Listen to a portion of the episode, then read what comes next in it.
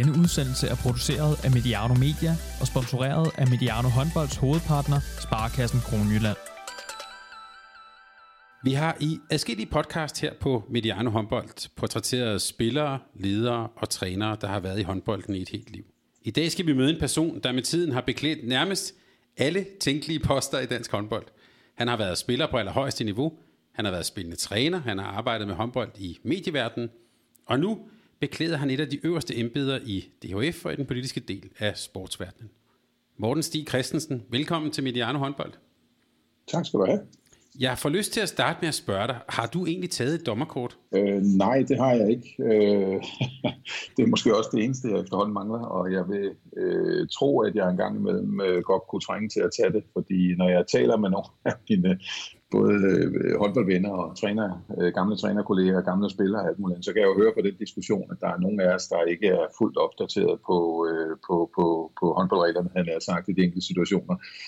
Så det var måske, jeg ved ikke om det var en opfordring for din side, men, men en gang imellem føler man, at man kunne trænge lidt til det, øh, og lige få gennemgået de der ting, også for at få en endnu større øh, forståelse for, hvor kompliceret det egentlig er, især når vi taler elitehåndbold, og få, øh, og, og, og på et splitsekund at træffe de rigtige beslutninger. Ja, det var nu det, ikke for, ja, det var nu ikke for, opfordring og udfordring, det har taget. ja, det var nu ikke for at udfordre dig på din øh, kendskab til reglerne. Det var mere, når jeg sådan skulle forberede mig til samtalen i dag, så kan man sige, at du har jo haft nærmest alle tænkelige hatter og øh, kasketter på, man overhovedet kan i håndboldverdenen. Og, øh, og, og det, så det eneste, du måske ikke har det, jeg, jeg synes ikke, jeg har set dig i dommertøjet, så det, det kunne så være det eneste, du manglede. Men ja. øh, tak fordi du vil være med i en samtale her på Mediano Håndbold. Det er jo en helt særlig tid for håndbolden og ja, hele kloden. Vi skal høre om din rejse i håndboldens verden, om debut på landsholdet som 17-årig, om at ske i slutrunder, og meget, meget mere. Men lige nu, i de her sådan, coronatider, der er du jo øh, generalsekretær i, i øh, DHF. Hvordan har sådan den sidste måned været for dig? Det er meget svært at beskrive, fordi øh, jeg har aldrig været i en situation som det her. Øh, vi oplever lige i øjeblikket, hverken som, som medborgere i, i verden, han har sagt, og, og i Danmark, men, men heller ikke i, i håndboldforbundet. Og øh, det, jeg synes, der er meget, meget svært at forholde sig til, det er, at, at øh, foreningsverdenen jo, som har været en stor del af mit liv, øh, er jo netop karakteriseret ved, ved at man er sammen, øh, man er sammen i fællesskaber, øh, og det er derudfra, at hvad skal vi sige, øh, glæden og oplevelserne stråler. Og lige præcis det er, er vi forhindret i i øjeblikket, så jeg synes jo næsten, at, at det er det aller værste, der kan ske i forhold til, øh, til foreningslivet. Det er netop, at vi er blevet separeret nu på den her måde. Øh, jeg er så utrolig glad for, at der er så mange øh, positive historier om, hvordan folk poster ting på, på de sociale medier, Øh, også inklusive vores landstrænere, som lægger sjove øh, videoer ud, hvor hans børn er i gang i haven og alt muligt andet. Altså, øh, den måde folk virtuelt øh, rækker ud til hinanden øh, for at skabe glæde, øh, det vidner jo også om et, et, et, et sammenhold og et, og et fællesskab, nu bare øh, mere på øh, i den virtuelle verden end i, i den reelle verden. Men det er meget svært at navigere i, fordi jeg vil sige, at hver dag lukker op for nye spørgsmål. Altså øh, først og, og, og, og størst var det jo, øh, og det er jo det, medierne interesserer sig mest for, det var jo top håndbolden. Hvad skal der ske der nu, hvor den og den øh, internationale turnering øh, aflyst eller flyttet? Øh, Ligaen herhjemme er sat på hold osv. Og, og det kan man sådan tage og føle på, fordi det, det er sådan meget enkelt, men, men hele foreningslivet, øh, alle vores foreninger lider jo også under det her, fordi bare sådan ting som, at, at vi nu står over for påsken. Tænk på, hvor mange øh, af vores foreninger rundt omkring, som har påskestævner i, i alle mulige forskellige størrelser, hvor de jo har øh, temmelig mange øh, midler ude og svømme, øh, og øh, hvor, hvor, hvor står de i forhold til det? Hvordan ser fremtiden ud for de klubber, som langt hen ad vejen måske har baseret næste års og næste års økonomi øh, på, på, på de her ting? Øh, så det stiller os jo nogle, nogle problemstillinger, som vi aldrig har været udsat for, og derfor har vi sat et stort stykke arbejde i gang, både centralt fra, men også decentralt ude i vores øh, kredse distrikter, for at prøve at oplyse så godt som overhovedet muligt. Og så læner vi os meget op af Danmarks Idrætsforbund, øh, så i stedet for, at vi er en lang række specialforbund, der agerer på egen hånd, Øh, så tror jeg, det er vigtigt, at, at foreningslivet og idrætten øh, forsøger at tale med en stemme og i tale sæt både elitens problemer, men, men også øh, brede foreningernes problemer i forhold til regering og, og, og de ministerier, hvor, hvor, hvor, hvor, hvor det nu er rigtigt. Og de har jo, og det giver for den sags skyld også, har jo øh, en, en stor øh, viden omkring og et stort politisk netværk, øh, så vi kan få øh, gjort opmærksom på, at foreningsidrætten, som jeg jo synes er en meget, meget væsentlig del af vores kulturliv. Det handler jo ikke kun om teater og, og ballet og musik, men øh, foreningslivet er jo meget væsentlig spiller her også.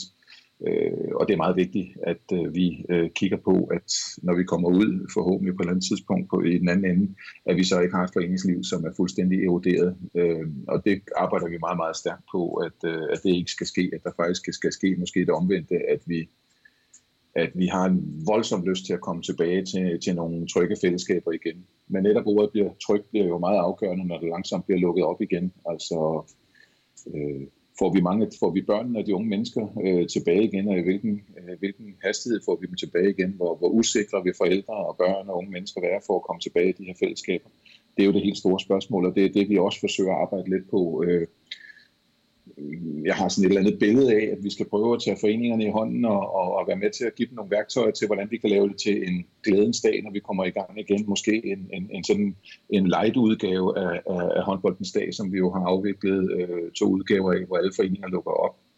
Jeg kunne sagtens forestille sig, når det bliver lukket op igen, at man starter om morgenen med trille håndbold, og så, så i løbet af dagen kommer de forskellige hold tilbage, så vi ligesom laver en slags genkomst, øh, når vi får lov til det igen. Men, men jeg tror ikke, det bliver så nemt, øh, fordi der vil være en meget stor usikkerhed og utryghed ved, hvad vi må og, og, og så videre, og hvor, og hvor sikkert det er i forhold til den her virus. Så der er rigtig, rigtig mange tanker, der farer gennem hovedet på os, men stort set alt, vi vil alle vores medarbejdere er sendt hjem.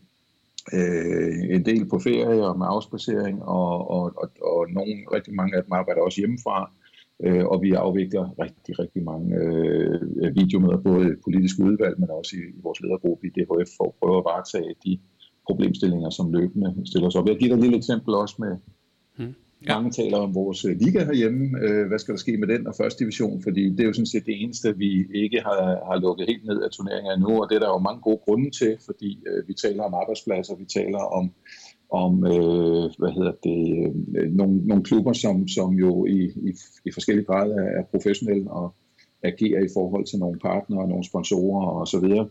Og øh, det er vi nødt til at prøve også at tage fang til med, hvad vi gør. Det er alt, og det vil jeg gerne understrege, skal selvfølgelig være sikkert, at vi følger alle de anvisninger, der er. Men før vi lukker helt ned, øh, så vil vi jo godt være sikre på, at, øh, at øh, vi ikke pludselig står i en situation, hvor der godt kunne være spillet videre. Vi er hele tiden i dialog med klubberne. Ønsker de faktisk at spille videre? Så er det også afhængigt af øh, EHF, IHF med de internationale turneringer. Hvordan skal vi forholde os til det? Hvordan forholder vi os til, at spillerne har trænet hjemme, og vi kan jo ikke sende dem i kamp dagen efter, de får lov til det. Så der skal jo også være sådan en periode, hvor, hvor man bliver kampklar igen, han har sagt. Så der er ufattelig mange spørgsmål, øh, og, og der er næsten lige så mange holdninger, som der er øh, klubber, der er repræsenteret i ligaen og første division. Og hvordan, bare hvis du lige sådan skal, skal give øh, mig og lytterne sådan lige et, et blik øh, bagved, hvordan, hvordan foregår sådan, kan man sige, hele det der kontakten til myndighederne, det politiske niveau, er det igennem Danmarks Idrætsforbund? Det er i, i allerhøjeste grad igennem Danmarks Idrætsforbund. Vi har, vi har gjort det, at vi, øh, vi har øh, samlet en masse cases ind, øh, for eksempel med de her øh, store stævner, som, øh, som, som, som nogle foreninger rundt omkring, brede foreninger rundt omkring i Danmark nu står med, med håret i postkassen omkring. Øh, alle de her cases er lagt ind, så, så der kan der, der på, et, på et mere validt grundlag kan træffes nogle beslutninger om, hvor stor skal, skal den øh, støtteordning være i, i forhold til, til foreningerne rundt omkring, og det samme på elitesiden. Øh, det er meget, meget vigtigt, at vi får, vi får skabt et troværdigt billede af, hvordan situationen er ude i, i foreningen. Derfor samler vi alle de cases og alle de oplysninger ind, og, og dem videregiver vi til Team Danmark. Nogle af dem handler vi også på øh, i, i, i forhold til, hvordan man skal forholde sig øh, til det ene og til det andet og til det tredje. Øh, men, men når det handler om vores øh, regering og, og, og diverse ministerier, så, øh, så kommer alle oplysninger fra os til, til DIF, og så ryger de videre øh, til, til de rette ministerier. Og, og, og DIF har jo lige præcis øh, bygget et meget stort øh, politisk netværk op, så jeg tror, det er vigtigt, at, at det er den vej rundt, vi arbejder, ikke kommer løbende og banker på døren, øh, store og små forbund, og, og, og, og alle øh, råber i munden på hinanden. Der tror jeg, det er vigtigt, at vi, vi går professionelt til værks. Og så har vi også øh, løbende dialog på, altså Niels Nygaard sender jo øh, indimellem nyhedsbrev ud, og, og jeg har en meget tæt kontakt med Morten Mølholm, øh, DIFs øh, administrerende direktør. Mm. Og du var lidt inde på det, men set, set fra din stol, hvordan tror du, hvordan ser håndbold Danmark ud, når vi på et eller andet tidspunkt åbner igen? Min, min, min, min store forhåbning er, at, øh, at vi på en eller anden måde, øh, med, med, med de bump, der selvfølgelig øh, er både undervejs, mens det her foregår, men som også vil være, når vi skal forsøge at genetablere os igen, og, og måske også forberede os på en, øh, øh, på en øh, ny omgang, når, når en anden bølge øh, kan forventes at komme, øh, så har jeg egentlig en tro på, at vi måske kan komme endnu øh, stærkere ud af det her, fordi det får jo også åbnet nogle øjne for os, hvad det er, der er vigtigt her i livet. Mm. Øh, det her sammenhold omkring foreningerne, det foreningerne kan, øh, det, det, det, øh, det trygge miljø, man har været vant til at begå sig i. Jeg tænker på, hvor mange unge mennesker, der sidder hjemme i, i dag og, og, og næsten ikke har noget øh, kontakt, øh, eller meget lidt kontakt måske, med, med, med sin skoleklasse eller øh, sin tidligere øh, idrætskammerater osv. Og derfor tror jeg på, at, at, at øh, vi sådan i, i slipstrømmen på det her øh, har fået synliggjort, hvad det er for nogle værdier, der er indlejret i vores øh, foreningsidræt og, og også i håndbolden, som vi har forsøgt at arbejde med.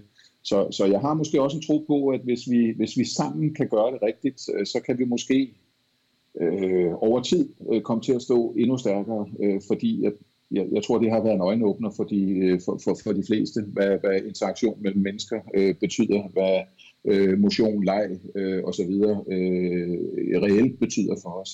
Og, og det jeg tror egentlig, vi skal prøve at se, og det er det, vi også sidder i nogle grupper og prøver at snakke lidt om, om, om, om hvordan vi bedst muligt kan forsøge at løfte derhen, så vi ikke bare står og kigger ind i en ruinhåb øh, bagefter, men, men egentlig prøver at finde det positive frem, fordi jeg synes jo egentlig, at nogle af de her positive værdier øh, om, om, om, omkring sammenhold og kropslig udfoldelse osv., som vi har i, i håndboldforeningerne, at, at det er i sig selv så, så stor en styrke, så, så det er et godt træ at læne sig op af, tror jeg, og det skal vi, det skal vi forsøge at få formidlet ud, øh, så, så foreningerne er øh, topklar til øh, at, at, at tage imod dem igen øh, på, på, på den rigtige måde. Lad det være en, en god afslutning på det her med, med snak om corona, Morten. Jeg synes, øh, det, det er øh, det håb, og det her med, at vi måske også faktisk, at det vil stå ret klart for os alle sammen, hvad det her egentlig betyder for alle os, der er engageret og, og, og holder af håndboldsporten. Det tror jeg faktisk er en, øh, en, en, en meget god afslutning på, på den her lille snak. Og så kan jeg bare sige, at vi er mange, der glæder os til, at, at det liv og den del af vores tilværelse åbner op igen. Og jeg tænker, den her lille, den her lille indledning, indledning, Morten, hvor du øh, øh, lige fortæller, der står du jo, ja, han har sagt, igen i begivenhedernes centrum, og det er sådan set også noget af det, vi gerne vil tale med dig om i dag. Du har jo været med fra håndbolden var på sådan ren amatørbasis til der begyndte at komme lidt professionalisme til den sådan internationale topsport, vi ser i dag. Og, og som vi lige har hørt, du har nærmest været i centrum af de begivenheder hele vejen igennem. Det er en lang rejse, og vi kunne sikkert tale i otte timer, så jeg skal nok prøve at styre din tid og min tid. Men jeg kunne egentlig godt tænke mig simpelthen at starte helt med begyndelsen. Hvorfor begyndte du egentlig at spille håndbold? Men det var jo egentlig baseret lidt på, øh, på ældre kammerater. Øh, jeg er jo Amager-dreng, øh, og øh, har det meste af min barndom og ungdom boet øh, ude i Sundby-kvarteret. Og øh, der var jo meget leg, øh, fodbold, øh, håndbold og andre boldsporter i, i gårdene og på gaderne osv. Og, og der var der ældre kammerater, der, der så fik lukket mig ned til MK31, som håndboldklubben hed. Øh, men det var sådan en lidt speciel start, øh, fordi jeg tror, jeg var seks år på det tidspunkt, øh, og man skulle egentlig være syv år for at, at gå i klubben. Og dengang hed det Lilleput, og det var man faktisk fra man var syv år, til man blev 12 år, mm. og så, så blev man drengespiller. Så det var jo en meget stor gruppe, så jeg vil sige, min start til håndbold, fordi jeg er jo egentlig øh, på, på, på, på nogle områder lidt, øh, lidt introvert, lidt øh, genert dreng. Øh, og, og det betød jo, jeg kan huske de, nogle af de træninger nede på Peder Vedskade skole, som dybest set bare var en gymnastiksal med et mål, med nogle jernrør, og så satte vi noget net op. Og så spillede vi 3 mod 3, fordi det var jo det eneste, vi kunne i sådan en gymnastiksal der. Hvis man scorede, så beholdt man bolden øh, og fik et angreb mere. Og, og, og det var sådan udgangspunktet for, for, for træningen her. Men for mig var det jo meget med, at øh, der blev på lidt gammeldags manér valgt hold. Øh, og jeg var jo altid en af dem, der blev valgt som den sidste eller næstsidste, og jeg stod som regel henne i et hjørne med de der øh, røde gymnastikbånd, man fik på, så man kunne se forskel på hånden. Og der stod jeg sådan og krøllede det henne i hjørnet, fordi øh, de store drenge der, de, øh, de bullerede jo bare derude Så det var egentlig lidt øh, mærkelig start, men det var jo fordi, jeg så op til nogle ældre øh, kammerater, som fik, fik lukket mig med. Og jeg var, jeg var faktisk med på en, på en sommerlejr også. Vi havde sommerlejr nede ved Borgvejlevi ved Roskilde hvert år, hvor, hvor sådan 100-125 drenge og piger fra, øh, fra, fra Bryggen og, og, og Sundbykvarteret, alle der var medlemmer i en 30, øh, de tog på sommerlejr i 14 dage. Øh, og og øh, det siger også måske lidt om pædagogikken dengang, fordi jeg havde jo svært ved at gøre mig i nogen som helst af de øh, mange konkurrencer, der blev lavet, og natløb, og der var sådan en stadion med en centersbane, hvor vi havde længdespring og højdespring og sådan noget. Det kan næsten forestille os, en lille purk, der kommer af den absolut mindste, øh, og måske alt for ung til hele tiden at være med ifølge reglerne. Men da det hele var færdigt op i den store pejsestue, da der var stor afslutning og medaljer blev delt ud til de forskellige, øh, der havde vundet ro-konkurrence, svømmekonkurrence, hvad ved jeg, der stod jeg jo tilbage, men jeg blev kaldt op på scenen, øh, og så blev jeg kåret til lejens sødeste dreng og fik en stor pose lakridskonfekter. Det er sjovt, jeg kan huske det nu, men det står for mig mejslet ind i hukommelsen. Mm. Øh, den der øh, særlige øh, situation. Men jeg, jeg holdt så op med at spille efter et par år, fordi det alligevel var, eller efter et års tid, tror jeg, fordi det alligevel var for stor en mundfuld, og så har jeg dyrket et par andre sportsgrene med, med venner, men, men, men MK31 var jo stadigvæk et eller andet sted i, i baggrunden, og så var vi nogle skolekammerater øh, fra to skoler, der var med til at starte op igen øh, fra Amagerbro-skolen, altså Bredvedskade skole, hvor, hvor, hvor, hvor, hvor klubben jo havde deres træningsfaciliteter i fysiksalen der, og så inde på den klassiske legatskole, øh, som jeg gik på. Så vi var sådan set grundlæggende to klasser, øh, eller to årgange på to skoler, der, der fik startet det op igen, og, og så har det været MK31 indtil, indtil, hvad skal vi sige, elitetilværelsen to år. Men, men det var egentlig sådan, det startede. Det startede en lille gymnastiksal, øh, 3 mod 3, med et metalmål, der blev sat op, og man kom en halv time før, Øh, og vi måtte jo ikke spille med bolde ude i gangen der på, på øh, nede i kælderen, hvor ind til gymnastiksalen, så der rullede vi handsker sammen og lavede bolde alt muligt, så skulle vi jo få en halv time til at gå med det. Og, og, og når jeg fortæller den historie, så er det jo fordi, at, at det er jo så, sådan nogle historier, og oplevelser, som Lasse Bosen øh, en generation senere også har oplevet, og det var jo sådan grundlaget for, at han startede alt sit streethåndbold. Mm. Øh, jeg har siddet hjemme hos Lasse i, i hans køkken i Kolding og spist øh, løbersteg med og, og, og, og, og, og ordnet og snakket om, om, om, om de gamle dage. Øh, og derfor har vi også i, i, i det valgt at gå ind og prøve at bakke op om, om, om den form for håndbold. Fordi det han sagde, Morten, har du ikke også prøvet det her med, at man ikke måtte spille med bolde i skolegården, eller der hvor man nu var? Jo, hvad gjorde I? Så vi gjorde sådan og sådan. Og det var egentlig filosofien, øh, som han og et par gode venner fik bag ved street håndbold. Vi skal finde en helt anden måde at gøre det på, så vi kan spille håndbold, uanset om det er, om det er hjemme i stuen, eller det er øh, øh, i skolegården, eller hvor det nu er. Øh, vi skal bare have lavet nogle bolde og en, og en afart af spillet, som, som kan bruges øh, uanset øh, forholdene. Hvis vi lige bliver ved den, er, er, er det lidt en udfordring for, hvis vi nu er vi lige tilbage, hvor du er generalsekretær, kan man sige, med den kasket. Ja. Er det en af udfordringerne for håndbolden? Det er jo, altså, øh, det tror jeg mange af os vil kende. Det er jo en ret svær, altså den kræver nogle rammer for, at det altså, skal være en halv, og, og det, det er ikke så nemt som bare tre drenge, der går ned og spiller fodbold, eller øh, stå og skyde på en basketkur og sådan noget. Det, der er lidt mere sådan nogle, kan man sige, nogle, nogle rammer, der skal være til stede, før vi kan spille håndbold. Ja, og det er, jo, det er jo lige præcis den tilgang, der også har været vores øh, helt store problem. Jeg har jo selv rundet af den kultur, og, og øh, det betyder jo, at, at og jeg har jo den for, det forhold til det, det, det. Altså hvis du tager fodbolden, håndbolden og flere andre af de helt store øh, idrætsgrene i Danmark, øh, så er vores største problem jo, at, at øh, hvis du skal ændre kultur, så tager det jo lang tid i en kultur, der har 100 år på banen. Og, og når du stort set tænker al håndbold som Øh, 20 gange 40, hvor vi spiller 7 mod 7 med nogle ret komplicerede regler, øh, så er det svært at frigøre sig fra det, fordi så er det fuldstændig rigtigt. Så, så kan det blive svært at tilgå, fordi hvor mange skoler i dag har en, en halv med 20 gange 40 osv. Og derfor er det jo egentlig, synes den er så smuk, den her historie med, vi, vi fandt jo aldrig løsninger dengang. Altså nu her med Lasse og bolden, vi fik lavet ud af handsker eller øh, avispapir og så plastik og elastikker udenom, så kunne vi spille bold alle steder. Et, et andet lille eksempel er fra mit eget hjem jo. Øh, vi boede i en ret stor lejlighed ude på Amager. Øh, jeg har to søskende. Øh, de spillede også håndbold, øh, mine, mine to øh, mindre søskende. Øh, men men den her lange gang og ind til vores værelse der, der kunne vi ind i stuen, kunne vi vende bordet om, så var det mål, så blev lagt tæpper over, så var der net også, og så kom vi løbende ud på gangen, og så hoppede man ind igennem hen over dørtrinnet, og så var der en, der sad på mål derinde under bordet. Det kunne vi få timer til at gå med. Og alle de her oplevelser, øh, som, som, som, øh, som man har haft gennem tiderne, for, og det ved at vi har spillet håndbold nede i gården. Vi fik malet et mål på plankeværk, så vi håndbold og fodbold. Vi, vi, vi lavede jo selv reglerne. Og det er jo egentlig det, jeg synes, der, det, det er jo egentlig den kulturændring, vi gerne skal have ind igen, hvor, hvor, hvor vi egentlig ikke lader os binde af, at håndbold alene er 7 mod 7 på, på 20 gange 40. Og det er derfor, jeg hellere vil opfatte håndbolden. Øh, hvis jeg nu, når jeg til almindelige mennesker siger håndbold, så tænker de, hmm, boksen, øh, 15.000 tilskuere, øh, tv, der piker i en finale på over 3 millioner mennesker – så får man et meget stereotypt billede af, hvad håndbold er. Store, stærke, i det her tilfælde mænd, der slår hinanden halvt ihjel. Øh, meget, meget komplekst. Hvor mange skolelærer, hvor mange forældre synes lige, det er en sport, man vil sende sine børn ned til. Vi er nødt til at have en modfortælling. Vi er nødt til at have en fortælling, der handler om, at håndbold er et boldbasisspil.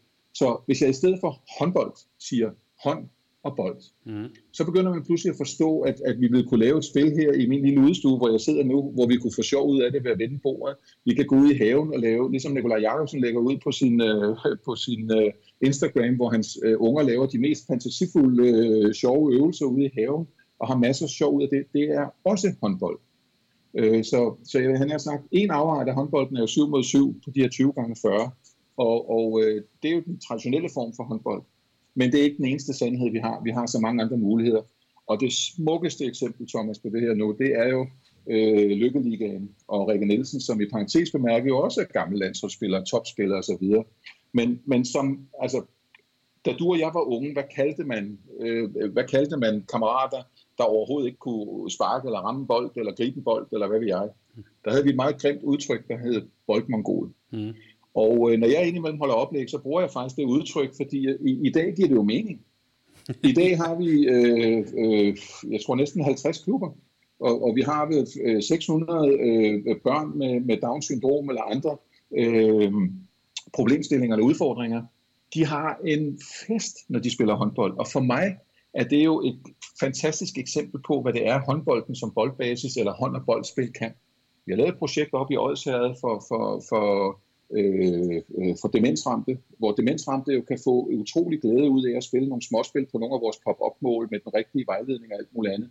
Kan have sådan en, en halv time, 45 minutter, hvor, hvor, hvor de pludselig får noget kropslig øh, aktivitet og måske kan gøre det sammen med deres øh, ægtefælde osv.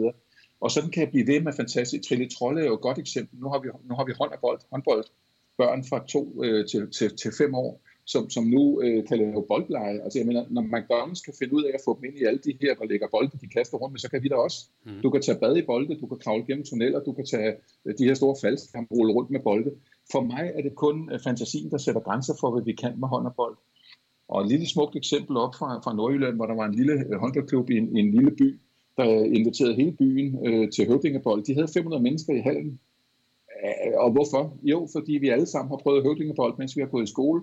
Høvdingebold er jo også en slags håndbold, så jeg har det jo egentlig sådan, hvis vi skal lave en fest for vores børn og unge, der spiller håndbold, så skal vi jo prøve alle de her ting. Jeg er selv opdraget med, jeg havde en, en træner hele vejen igennem, som, øh, som var idrætsuddannet, og, og som sørgede for, at, at vi spillede alle mulige spil, når vi var på sommerlejr. Vi kunne spille basketball, vi kunne spille øh, fodbold, vi kunne spille øh, volleyball, vi kendte reglerne, vi havde, vi havde bare glæde med, med, med, med, med bold.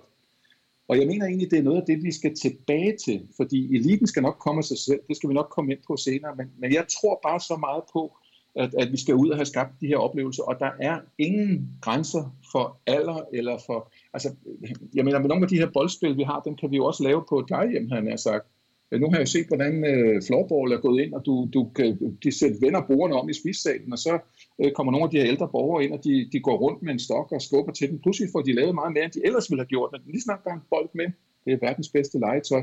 Og det er den filosofi, jeg godt vil have. Skab gode oplevelser gennem, gennem leg og fællesskab og alt muligt. Og så skal vi have nogle trænere, som kan gøre det til en fest. Nu har vi lige lavet en undersøgelse i forbindelse med vores håndboldskoler. Og hvad er det, hvad er det børnene melder tilbage? Hvorfor er det så fedt at komme på håndboldskoler? Vi har set mange af de interviews, vi også har lagt ud på vores sociale medier. De siger alle sammen stort set, en grund til, at, at, at håndboldskolen er så fede, der laver vi alt det, vi ikke laver til træning normalt. og så vil jeg jo godt nogle gange vente om og sige, hold da op, det kunne være, at vi skulle tage ved lære af det, og tage nogle af de ting ind og gøre, gøre flere træninger øh, til fest. Altså jeg siger ikke, vi skal vi kun skal lege, vi skal lave, men, men altså skabe gode oplevelser, og, og det skulle gerne være sådan, når man går hjem fra træning, at man, man synes, man har haft, det var måske dagens bedste oplevelse, ikke? Men du, havde en, du sagde, du havde en idrætsuddannet træner der i, i din øh, øh barne- og ungdom. Ja. Øh, er, det, er, er, det, øh, er det den tilgang, hvor man tænker det nemlig som hånd og bold og fysisk udfoldelse, snarere end, nu skal vi spille øh, fransk kryds og, og, og bakkryds og sådan noget. Er det, kunne du godt tænke dig, at det bevægede sig lidt mere i den retning? Ja, absolut, og, og øh, jeg, altså det var ikke fordi, at det blev skåret ud i pap, øh, eller stod i næren for os dengang, at, at Svend, øh, Svend Laversen var træner for os hele vejen op det var bare en naturlighed, at, at det var sådan, vi, vi tilgik det her. Det betød jo også, at vi var en, en flok drenge, der holdt sammen fra, øh, fra lilleputter til vi blev yndlinger, og, og, og, og øh, år for år øh, havde vi jo lyst til at eksperimentere. Altså hvad vi ikke lavede af, af mærkværdige sjove ting til træning, fordi du fik pludselig en flok drenge, for hvem det var tilladt at, at prøve nogle ting af. Jeg har det jo sådan, at hvis du skal lære et underhåndsskud, øh, så skal du først have lysten til at prøve det. Altså de fleste går ind i tryghedszone, hvor, hvor de gør det, øh, som de er gode til, fordi de er bange for at få skæld ud af en træner. Øh, jeg vil jo meget hellere have, især i, i, i de yngste år, at, at, at, de, at de leger og eksperimenterer og, og, og finder på ting, finder nye veje at gøre på. Alle vores største spillere gennem tiderne, Anja Andersen, og jeg, jeg kan blive ved, også på herresiden Mikkel Hansen. Altså når Mikkel Hansen kan lave det der af, afgørende mål øh, til, til, til OL, øh, hvor han skyder hen over nogle, nogle kæmpe store russer, øh, så er det jo fordi, han har gået og leget et, et helt liv med det øh, fuldstændig vanvittige håndled, han har. Han har prøvet ting af, øh, som, som han så også tør bruge i kampe. Pointen for mig, det er simpelthen, at, at, at øh, jeg tror, det er den vej, vi skal gå, og det der lejende element. Øh, snak med Michael Laudrup, øh, måske vores største fodboldspiller nogensinde, og han vil stadig fremhæve lejen. Øh, også da han spillede i Barcelona og andre steder, at det lejende element lå der. Øh, kunne fanden var det alvorligt, at de skulle vinde kampe, de skulle alt muligt andet. For ham, dybt inde i hans egen sjæl, der betød lejen jo noget for ham, fordi det var den vej rundt, han, han, han udviklede de her ting, og de her, øh, det her fantastiske øh, split vision og andre ting, der han jo gået og arbejdet med og, og, og opereret med hans driblinger og, og alle de der ting. Altså lad os, lad os få meget mere af det ind. Ja, jeg siger ikke, at man ikke må blive dygtig, fordi det, jeg sidder og taler om nu, det skaber vanvittigt mange dygtige spillere. Vi skal bare nå frem til, at, at det er en mere bevidst valg, man så foretager sig på et tidspunkt, fordi går man elitevejen, så er der mange afsavn. Øh, og, og det må gerne være et bevidst valg, men jeg vil da meget hellere have, at der stod 1000 talenter, mm. som, som i stedet for 500, han har sagt. Øh, det, det tror jeg bliver en udløber af det her, men jeg er meget mere interesseret i, at, at, at vi får teenagerne til at blive i sporten, og det kan sagtens være med nogle andre boldspil. Altså hvis, hvis de allerede, øh, for eksempel de her flittige øh, piger, som, som går meget op i at løse deres opgaver i gymnasiet, alt muligt ordentligt, og så siger til træner, jeg kan måske ikke spille alle kampen, jeg kan ikke træne tre gange om ugen, men så kan du ikke være på holdet. Det tror jeg ikke er den rigtige besked. Hvis vi vil beholde dem i sporten, så tror jeg, vi skal lave noget, der er tilpasset øh, dem, hvor de stadig har glæde, sig. Det bliver en oase for dem at komme og trygt tryk fællesskab, hvor de ikke nødvendigvis er underlagt det samme øh, pres. Så pointen er egentlig, øh, håndbold er for alle, øh, som, jeg, som jeg også har sagt tidligere. Det er både for dem, der er dygtige, men, men, men det er også et spil, som er sindssygt sjov for den ikke så dygtige, og, og den, der måske ikke fysisk lige er indrettet, eller mentalt lige er indrettet til det her. Øh, det er Lykkeligaen jo et godt eksempel på, når, når, når børn med Down-syndrom eller andre øh, mentale problemstillinger kan have en fest ved at spille håndbold, så kan vores sport noget. Hører jeg da også sige som generalsekretæren i DHF, at øh, man kan sige, det du taler også om, det er jo noget kultur, det er måden, vi øh, går til håndbolden på, og dit eksempel med, med de her børn, der har været på håndboldskole, og pludselig glæder sig over, at de får lov at lave noget andet. Er det en eller anden form for, hvad kan vi kalde det, kulturskift eller kulturschok, vi skal, vi skal have i gang i dansk håndbold? Ja, det tror jeg, men, men, men øh, øh revolutioner fører sjældent noget godt med sig, det tror jeg er verdenshistorien, øh, og, og det er jo ikke nødvendigvis øh, bare fordi jeg nu øh, synes, jeg øh, har set lyset, at, at alt skal laves. Altså sådan fungerer det jo ikke. Jeg har nogle fantastisk dygtige udviklingsfolk om, om, omkring mig. Det har jeg ude i kreds og distrikter. Jeg har nogle ildsjæle af trænere øh, rundt omkring, der gør nogle ting. Jeg har en masse øh, øh, hvad skal vi sige, øh, øh, øh, tidligere topspillere, som er gået ind i det her, og som, som, som har nogle holdninger, meget klare holdninger til de her ting. Så det her, det er jo ikke et one-man-show. Det er, nu, jeg har jo rigtig meget på hjertet, der er meget passioneret omkring det her. Men, men, men der er en masse andre mennesker, som også fagligt er endnu stærkere på, på de områder omkring børn øh, og så videre, og dem læner jeg mig meget op af. Men min pointe er egentlig bare gerne, at, at, at det har gjort ondt på mig at se, at vi har, vi har haft mere end 130.000 medlemmer, og øh, da jeg kom til forbundet, lavede vi en lille fremskrivning af, af den nedgang, der har været, der har været en årrække før, og, og, og så frem til i dag. Øh, hvis, den, hvis ikke vi havde gjort en masse af de ting, vi har siddet og snakket om her nu, så tror jeg, så havde, så, så havde fremskrivningen vist, at vi havde været øh, under 80.000 medlemmer i dag. Mm. Nu har vi ligesom fået knækket kurven og bremset den lidt op, så vi ligger på omkring 104.000, og jeg har jeg krydser fingre, og jeg har, det har jeg gjort et par år nu, hvor vi har været meget, meget tæt på også at have bare én ekstra medlem på bundlinjen, når det bliver gjort op. Jeg tror, det kommer i år og, og, og, og så, skal vi, så skal vi altså feste. Nu, nu ved jeg så ikke, hvad der sker i efterslippet her efter coronaen, men, men det er tallene fra sidste år. Altså min store drøm er jo bare, at håndbold får betydning for, og hånd og bold, havde jeg sagt, får betydning for mange flere mennesker. Altså i børnehaverne, inviterer børnehaverne institutioner ned. Øh, øh, Diabetesforeningen har vi en, en stor, øh, har vi en samarbejdsaftale med, Øh, vi, vi har jo været tre år på Bornholm, fire år på Bornholm, undskyld, hvor vi har haft, øh, været med til folkemøder, har, har snakket foreningsliv og diskuteret med politikere, altså hvor vi selv har et telt, der laver nogle aktiviteter udenfor for at vise, at håndbold er så meget andet.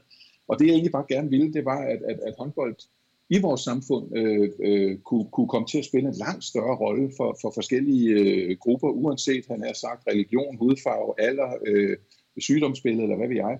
Altså, der er jo evidens i dag for, at, at håndboldfitness og, og fodboldfitness for den sags skyld øh, har en, en kæmpe indvirkning på folk med, med diabetes, og, og nu har vi set øh, det her øh, øh, fodbold øh, for, for, for folk øh, med prostata. Ikke? Øh, altså mænd, der har kommet ind i fællesskab, især mænd har jo medynk med sig selv, og når de har en, en, en sygdom, diabetes og andet, som 60-årige, så sætter de sig ind i sofaen, og så ser de sporten på tv i stedet for, og det allerbedste for dem vil være at komme ud i nogle fællesskaber, hvor de egentlig vil opdage, at de sidder ikke alene med de problemstillinger. Øh, det er kvinder langt hen ad vejen meget bedre til, og, og sådan er der steder, hvor vi kunne spille en meget større rolle, fordi vores, vores vores spil er så fundamentalt godt. Altså, fodbolden har jo altid øh, tiltaget sig rollen som verdens bedste legetøj, men, men jeg kan også godt leve med, at vi er verdens næstbedste. Så driller jeg altid fodbolden lidt med, at, at øh, de, altså alle børn kan jo sparke til en fodbold, så siger jeg ja, men det kan de jo ikke, når de ikke kan gå endnu, hvis de er mindre end et år. Øh, til at give en, et bold til, til et barn på, på et halvt år, og de vil straks begynde at sidde med den og lege med den og kaste med den. Så vi kan også noget i håndbolden øh, med hånd og bold, og, og det er egentlig det, der er mit udgangspunkt. Det skal vi have udviklet, og øh, vi skal ikke skylde noget ud med badevandet. Når jeg tænker på trænere på min alder, der har været træner i 40 år, jeg kommer jo ikke og siger til dem, I gør det helt forkert. Det er jo ikke den måde, man skal komme ind på. Vi, vi skal jo alle sammen kunne se, hvordan det her kan vokse op øh, for forskellige grupper. Og så skal jeg jo ikke have en elitetræner, der kun tænker elitært til at tage sig af nogle diabetesfolk. Men der skal jeg have nogle folk, der, der, der, der ved, hvad det her betyder, og hvordan man skal arbejde med det, som, som, som kan lave en udstue om til et, et skide sjovt sted og, og, og spille noget bold under et bord. Ikke? Nu nævnte du det her med folkemødet og, og, og, og den sådan samfundsrolle, som håndbolden også har. Vi havde for nylig en, en Mediano Special, hvor vi også talte om håndbold som sådan et øh, kulturelt øh, fænomen. Der var en af dem, der nævnte det her med, at håndbold måske er blevet sådan en meget pæn middelklassesport. Er vi, er vi blevet en sport for, for, hvis jeg skal være lidt grov, også for hvide middelklassebørn? Er vi inkluderende nok i håndboldsporten? Vi har ikke været det øh, nok, synes jeg. Øh, hvis vi går tilbage til min egen tid, så der synes jeg det er rigeligt. Altså, der, der husker jeg jo tilbage på, på, på alle mulige tykke og tynde og så videre, der, der kom og spillede. Men, men det gik jo nok lidt fløjten, og, og det, det er jo også en helt anden tid, vi kigger ind i i dag. Jeg kan jo ikke blive ved med at tage udgangspunkt i min egen tid i en lille gymnastiksal. Øh, det tjener dog bare som eksempel på, hvad håndbolden også kan. Øh, pointen er jo netop, at i dag har øh, børn og børnefamilier, og, eller mennesker i det hele taget, har så ufattelig mange muligheder, og nye ting er kommet til. Der var ikke noget, der hed mobiltelefon, da jeg var barn. Internettet eksisterede ikke. Nu er der sociale medier. Hele vores måde at omgå hinanden på og, og, og, og indgå i fællesskaber med, med, med de her virtuelle fællesskaber har jo ændret sig radikalt. Jeg har bare en tyrk at tro på, at, at øh, nogle af de her sociale fællesskaber, nogle af de fællesskaber, vi har, de kræver også, at vi er sammen. Jeg tror på, at det ligger iboende i mennesker, at vi gerne vil være en del af en stamme. Når jeg er ude og holde et oplæg, så spørger jeg nogle gange ud i salen, øh, især hvis jeg kan se, at der er nogle mænd til stede, så er, er der nogen af jer, der har et favorithold i engelsk fodbold? Og det har de næsten alle sammen. Og det vil sige, at der er en stamme omkring Liverpool. Der er en stamme omkring Manchester United. Vi, vi vil rigtig gerne være sammen med andre, der har nogle interesser, der minder om vores, hvor vi kan, hvor vi kan dele vores øh, glæder og sorger og, og, og, og hvad skal vi sige, viden og, og den slags ting. Og, og, og det, er jo, det er jo noget af styrken ved det her øh, foreningsliv, det er jo, at vi dybest set kan lave en forening i morgen, hvis vi vil. Der er bare nogle krav om noget, noget demokrati, medlemsdemokrati, og vi skal afvikle nogle forskellige ting og sager. Men det er jo så smukt ved vores samfund, og det er jo egentlig derfor, vi, vi tog fat i og ville være med på folkemødet og udbrede nogle af de her ting, for jeg, jeg, jeg ser rigtig gerne, at håndbolden bliver en meget, meget stærk spiller på det her fællesskabsorienterede, øh, og vi kan nogle ting, og det vil jeg gerne have kommuner, det vil jeg gerne have øh, landspolitikere, og derfor øh, hver eneste gang, jeg møder en politiker på et eller andet niveau, eller en borgmester, de har været i vores telt, mange af dem, og, og få skabt nogle relationer, så er det jo for og få dem til at forstå, at det handler ikke kun om 20 gange 40. Øh, det handler om en masse andre ting, vi kan på nogle andre arealer. Men det er ikke det samme, som man skal lukke 20 gange 40 ned. Vi skal jo ikke have nogen til at lukke vores hal, og det er udgangspunktet. Men gør dem mere fleksible, så vi kan have, ligesom vi har med totalhåndbold, hvor vi har 3-4 baner øh, derhen af, men, men nu har vi kortbane, og det nye five side spil som jeg forventer mig rigtig meget af. Det er sindssygt sjovt at spille, og alle kan være med. Øh, så, så, så det er egentlig bare filosofien omkring det her, og at komme ud og, og, og, og få et nyt narrativ, havde jeg sagt, omkring håndbold, eller et parallelt. Altså det, det er en parallel historie, vi gerne vil fortælle. Det vi lyder i fjernsynet, det er topatleter, der har brugt det meste af deres liv på at perfektionere det her. Det er, vi er underholdningsbranchen. Øh, når vi taler håndbold, øh, så er vi også i foreningsbranchen, og det er vigtigt, at vi har de to øh, par, parallelle historier, og det, at man melder sig et lille barn til håndbold, det er ikke, bør ikke i udgangspunkt være med, at man skal blive den næste øh, Mikkel Hansen eller Sandra Toft, eller hvad ved jeg. det skal være for, at barnet øh, har en, en fantastisk oplevelse sammen med andre børn i, nogenlunde samme aldersklasse. Øh, og i en forening, øh, som er med til at udvikle dem både som mennesker og, og, og, og inden for håndbolden, eller hvilken sport man nu vælger. Det må være udgangspunktet. Det andet, det, det kommer af sig selv. Og man kan, jeg kan godt se på en 10-årig dreng eller pige, om vedkommende er dygtig til håndbold. Men jeg kan ikke se på dem, om de bliver landsholdsspillere. Mm. Og, øh, og man skal passe på med, at man ikke, hvis vi selekterer dem allerede som 10-årige, at, at, at nogle af dem mister lysten, og det vil jo være det værste, der kan ske. Så, så jeg advarer altid imod alt for tidlig specialisering. Jeg vil egentlig gerne have, at de bliver nogle trygge miljøer, hvor de stadigvæk udvikler sig. Øh, vi vil gerne have dygtige trænere og alt muligt andet, men det behøver ikke kun at være øh, eliteperspektivet. Lidt det samme med dommer. Det er også som om, når man bliver dommer, så, øh, jamen, så er der jo kun et formål. Trakten den peger på, at man skal blive ligadommer. Jeg, sige, det, jeg, jeg har jo i virkeligheden brug for, at der er rigtig mange, der gerne hele liv vil være i gåsøjne bredde dommer. Øh, og, og hvordan kan vi gå til det? Øh, jeg personligt inden for de sidste par år har jeg jo ligesom haft en holdning, der jeg er ikke sikker på, at det nogensinde slår igennem, men jeg har jo lidt en holdning med, at når vi nu har total håndbold på de små baner, vi har det nye kortbanespil, før de bliver sluppet løs øh, på den traditionelle bane på 20 gange 40. Hvorfor er det, at vi overhovedet har et begreb, der hedder dommere, før de kommer på den helt store bane? Hvorfor har vi ikke et begreb, der hedder vejleder, hvor de ikke behøver at have sort tøj på? Altså bare som et eksempel, som en udfordring til det her, fordi jeg behøver ikke dommere, som er sindssygt dygtige i, i, i regel nummer 200 et eller andet på side 400 i et meget komplekst kompendium over håndboldregler, eller man må lave bredstående screeninger og sådan noget. Det er jo ikke så relevant for de 10-årige. Der er det noget helt andet. Altså, jeg, jeg, bliver også, jeg vil også blive ked af det, hvis der står en dommer, og jeg kan, jeg kan jo godt se den her pige, øh, der har stået ude på fløjen og ikke fået så mange bolde, og måske tager hun en chance og går derude fra, hun scorer sit første mål, men jeg kan jo godt se ud, den rører stregen. Skal jeg dømme overtrådt? Ja, ifølge reglerne skal jeg. Ifølge mig? Nej. Hmm. Det er sådan et godt eksempel, synes jeg, på øh, den tilgang, vi, vi bør have til, til, til nogle af, af de her ting.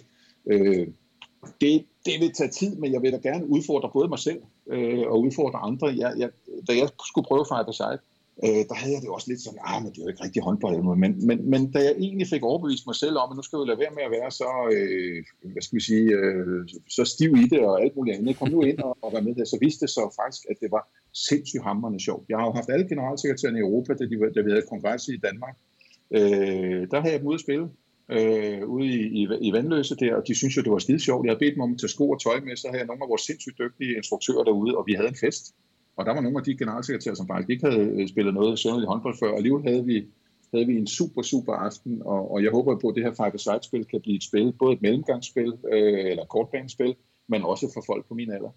Fordi det er jo et andet problem. Når, når, når man har passeret 50 eller 60, så er traditionel håndbold jo med, med en lederbold, der slår ind i hjælp med nogle regler, hvor det er tilladt at gå op og flæske en øh, med, med seks, seks forsvarsspillere på buen. Mm det er sgu svært at lave en find, der kommer igennem, når man er plus 60, øh, når der står så mange store øh, forsvarsspillere derinde, og man kan næsten ikke skyde den ind til mål, og en målmand på 60 år, der egentlig har et godt boldøje, der får aldrig scoret mål. Jeg har jeg spillet i Boldbro, og når jeg kom hjem til mine børn, og jeg sagde, vi vandt i dag, jamen det var sgu fint, far. Øh, øh, meget vandigt. 7-6. Kiggede de altid på mig og spurgte, om vi kun spille en eller ikke? Og, og, og, det er jo egentlig et meget godt billede på, på, på, på det her. Derfor skal vi jo finde nogle spil, nogle afarter af håndbold, som passer lige præcis til de grupper, som passer til plus 60 år. Måske skulle vi kigge på 70 og 80 år på et tidspunkt. I England har de jo et greb, der hedder walking football. Og det betyder ikke, at man går langsomt, men, men det betyder bare, at, at, at man går rundt og spiller det her. Så har vi måske også et, et, et fodret håndboldspil til folk plus 70, plus 80, som stadigvæk godt øh, kan bevæge sig lidt, men, men som ikke kan løbe. Og, og det, er egentlig den, det er egentlig den tankegang, jeg godt kunne tænke mig, at, at, at vi bliver meget øh, skarpere på, fordi øh, så kunne håndbold blive øh, interessant og et interessant fællesskab for, for, for mange flere grupper i, i vores øh, samfund, og ikke kun dem, der er egnet til at spille på 20 gange 40 med de traditionelle regler. En, øh, en iagtagelse, man kan gøre, så vi har jo i Danmark, ja, vi har flere store sportsgrene, men hvis vi bare bliver i boldverdenen, har vi selvfølgelig håndbold og fodbold. Og på, og på, på fodbolddelen, der har de jo et, kan vi sige, et noget andet system. De har de her licensklubber, og begynder egentlig også en, en, en selektion, en udvælgelse af, af børnene helt ned til måske 10, 11, 12 år. Nogle siger nogle gange, at det, at det foregår tidligere. I håndbold gør vi det jo faktisk, ja, han har sagt, meget modsat, eller i hvert fald på, i de fleste klubber på en helt anden måde. Det, jeg, jeg går ud fra, at det er du også enig i, men det kunne også være, skulle man, skulle man tænke det på en anden måde, ligesom fodbolden gør det? Det øh, er absolut mulighed, og vi har jo også tenderet det i, i, i, i nogle sammenhænge. Altså det tenderer jo lidt, for eksempel, øh, bare et eksempel er jo hele efterskolesituationen. Jeg synes jo, det er helt fantastisk, hvor mange efterskoler har, har håndbold som et genstandsområde. Og det er jo fedt, når de kan komme ud, for der er jo ikke noget bedre, tror jeg, for de unge mennesker at komme ud enten på en idrætshøjskole eller en, en idræts efterskole og opleve nogle af de her øh, ting. Det er jo fantastisk led i deres, øh, deres øh, personlige udvikling og deres dannelse. Øh, Øh, men, men, men det, man skal hæfte sig ved her, det er jo, at der er nogle ganske bestemte centre rundt omkring, som suger dem alle sammen, og de er jo forretninger. Altså jeg bakker jo meget op omkring det her. Jeg synes jo både øh, nede på Ore og øh, op i Skanderborg eller på, på, på øh, Kis i København nu, men, men, men, men også øh, øh, hvad hedder de, øh, nede i Sosine, nede i, øh, i, i Sønderjylland. Ikke? Nogle ja, af de steder suger jo en masse til sig og forretninger i sig selv, og det, det, det, det problemstilling, vi har, det er, at rigtig mange af vores øh, glade håndboldspillere, som tager på efterskole, de stopper med at spille, når de kommer hjem. Mm. Og der har vi en lang række udfordringer. Ikke en, men vi har en lang række, fordi nogle gange er der jo fem for et hold, der tager afsted, så eksisterer de ikke mere. Hvordan håndterer vi det? Hvordan håndterer vi klubben? Har kontakt til dem derovre? Vi lavede dobbelt certifikat, spillercertifikat, så hvis de kom hjem en weekend, kunne de godt få lov at spille på deres hold. Det skulle vi jo ikke gå så meget op i øh, og så videre. Så vi har forsøgt at gøre nogle tiltag. Vi er også lige kommet med, med, med en helt ny samarbejdsaftale med, med efterskolerne her, hvor vi prøver øh, og, og, og samarbejde med nogle af dem omkring, når vi udsluser dem igen, og også at arbejde med nogle af de værdier, vi gerne vil have, øh, der ligger indlejret øh, i, i håndbolden. Så der er nogle ting, som gør, at, at, at øh, og, og det er helt forståeligt, at, at, at det kan blive vanskeligt, for jeg forstår det godt, øh, hvis man er nede på Sine eller oppe i Skanderborg. Øh, man skal have en forretning til at køre, derfor vil man gerne have øh, rigtig mange håndboldspillere til at komme det næste år. Øh, man lokker jo ved, at man har nogle dygtige instruktører eller trænere tilknyttet, eller nogle spillere i den, fra den lokale klub osv., altså skabe nogle oplevelser. Men, men, men min pointe er egentlig, at, at øh, fodbolden er jo i den situation, at, at det er store forretninger, nogle af de store fodboldklubber, og den vej for eksempel, som FC Midtjylland er gået øh, nu, øh, er jo, er jo øh, at drive øh, meget langt, vil jeg sige, men, men, men det er også spændende. Altså, vi har jo haft, vi, vi har jo haft besøg øh, fra deres nye skole, der Guldminen, øh, på folkemødet til en debat, vi havde omkring talentudvikling og hvor tidligt man skal starte osv. Og, og de, hæv, de hævder jo hårdnakket over guldminen, som de kalder deres skole nu, hvor, hvor, hvor folk kan sende deres børn ind, som er fodboldinteresserede og, eller generelt sportsinteresserede osv. Øh, der hævder de, at det skal være gode oplevelser, der, der driver det her. De vil ikke køre elite fra de helt små osv., osv., men det er jo dog et eksempel på, at klubben må tro på, at der er et koncept her, som, som, som vil kaste noget af sig på et tidspunkt. Og det kan godt være, at det er en eller to spillere, øh, der, der er egnet til, til, til deres allerbedste hold. Så, så, så det er jo også en tendens, vi er op imod. Øh, jeg kan selvfølgelig være nervøs for, om for mange af dem, der indgår i de her ting, de forsvinder. Jeg har oplevet det her i Odense. Øh, jeg har mange, øh, også da jeg var på TV2, mange af mine kolleger havde børn, der var skide dygtige til at spille, spillede nede i OB og var nogle af de bedste på et U10-hold. Øh, året efter, øh, så havde OB jo støvsuget det meste af øen for talenter, og det vil sige, at der stod måske 10-12 nye spillere, øh, som var på håndplukket og taget ind til U12. Og det vil sige, at nogle af dem, der egentlig gik i OB for at være sindssygt dygtige, pludselig stod de nu i anden række. Altså pludselig var de ikke engang på førsteholdet året efter. Og det gjorde, har jeg jo oplevet, at mange af dem enten forsvandt for OB eller holdt op med at spille og alt muligt. Og det er egentlig det, jeg gerne vil undgå. Jeg har ikke nogen patentløsninger, men det er et meget godt eksempel på, at hvis du begynder at selektere meget tidligt, så skal man være opmærksom på at troen på, at der ud af en flok på 100 kan blive en eller to ligaspillere. Det betyder jo også, at, at, at, at vi er nødt til at kigge på de 98, der står tilbage, og dem skal vi jo helst ikke miste i vores sport. Og, og sådan tror jeg også, at fodbolden er begyndt at, at tænke, fordi vi har brug for dem på så mange andre områder i vores øh, foreningsliv, og, og for i det hele taget at, at have en interesse omkring øh, håndbold. Jo flere, der spiller håndbold, jo flere vil også være interesseret i at følge landsholdet, eller være interesseret i at gå ind som frivillige i forskellige sammenhænge og sådan noget. Og, og, øh, og, og den deler jeg jo vild med. Altså et, et langt liv i, i foreningsidrætten er jo et fantastisk liv, øh, og hvor man gør en forskel for andre mennesker. Og det er egentlig den vej, jeg rigtig gerne øh, vil, vil gå med de, med, med, med de her ting. Vi kan sagtens bygge et elitesystem op, også i håndbold, selvom vi tager dem ind lidt senere. Hvis du snakker med, med, med Claus Hansen, der jo har prædiket det her, der, der har været med som assistenttræner på A-landsholdet eller ungdomslandstræner hos os nu, og som er cheftræner over i Skjern nu, og, og følger nogle af hans holdninger, nogle af hans, øh, hvor han er gået tilbage i tiden og set, hvor kommer landsholdsspillerne egentlig fra. Mm. Så er det jo ikke entydigt, at alle vores landsholdsspillere startede som seksårige og ikke har bestilt andet. Der er meget forskellige billeder på, øh, der kan føre frem til, at man bliver landsholdsspiller. Og det er nogle af de ting, jeg tror, vi skal tage i betragtning, når vi arbejder øh, med det her. Men vi skal ikke have sådan en eller anden central ting, hvor, hvor, der, hvor der sidder nogen inde i en førerbunker og bestemmer, at det er det eneste. Altså det mangfoldigheden, tror jeg på men, men mangfoldighed øh, skal helst øh, være underlagt en eller anden form for grundlæggende værdier, som vi gerne vil arbejde med. Altså, der, der er en måde, vi gerne vil have, at håndbolden fremstår på som, som, et, som fællesskabsorienteret, gode oplevelser osv. Og eliten, det er ligesom naturvidenskab. Altså, øh, skal spille, vi samarbejder med flere universiteter, vi samarbejder med Team Danmark, vi har en sportschef, nogle landstrænere, der går meget op i de her ting. Vi forsøger at finde den, den sidste procent, der kan føres frem til en medalje. Så, så alt det kan, skal de have mere fysik på holdet, så kan vi hurtigt få nogle eksperter til ind og, og begynde at arbejde med det, samarbejde med klubberne og sådan noget. Det er ligesom naturvidenskab. Men de spørgsmål, som du og jeg har siddet og, og, og talt om nu her, hvordan vi, vi, vi får håndbolden til at stå endnu stærkere som, som sport i vores samfund, øh, det, det er jo noget helt andet. Der er ikke en, der er ikke en enkelt øh, videnskabelig forklaring på, hvordan man gør det. Øh, det, hvordan skaber man en god oplevelse? Det kan man ikke læse på. Det, det, det kan man ikke bruge en formel på. Altså, øh, en skolelærer, der står derude, hvordan, hvordan, får du, hvordan får du eleverne til at synes, at matematik er skide spændende?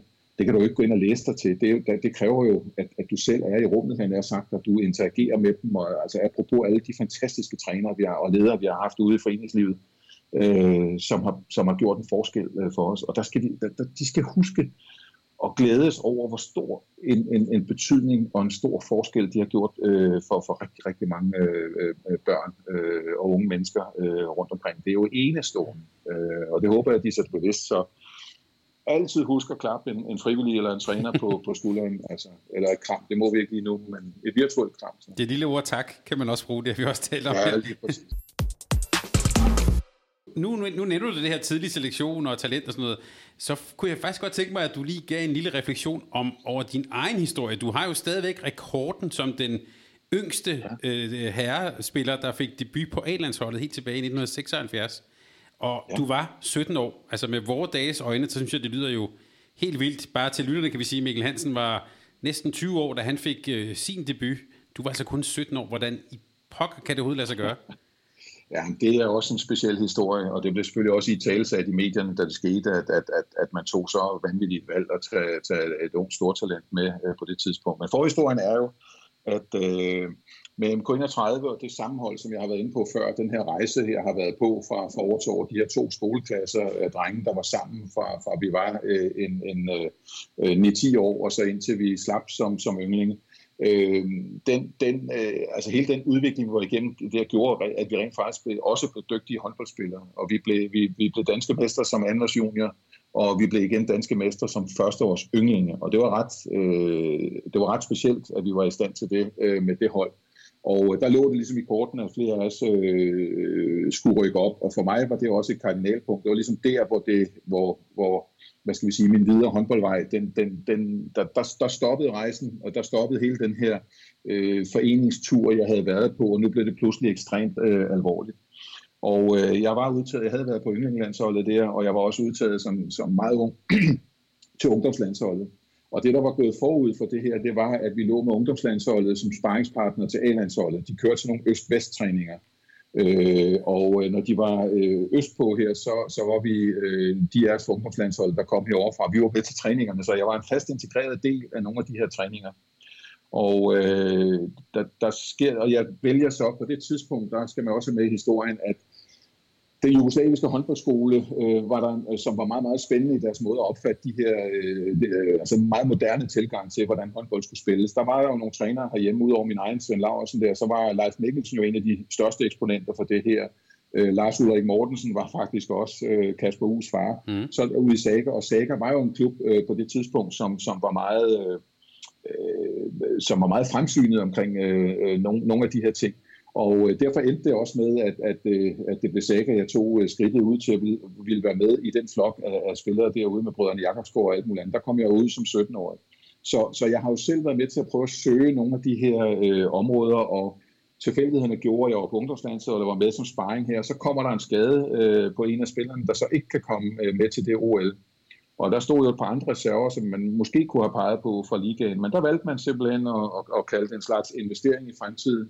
Så øh, Jørgen Gårdskær, der var landstræner på det tidspunkt, og sikkert også i, i, øh, i, i efter mange og lange samtaler med Leif Mikkelsen, som jo var øh, på ungdomslandsholdet og ugelandsholdet, var, var, var min træner og var min sådan, det næste step, jeg tog efter øh, Svend Larsen.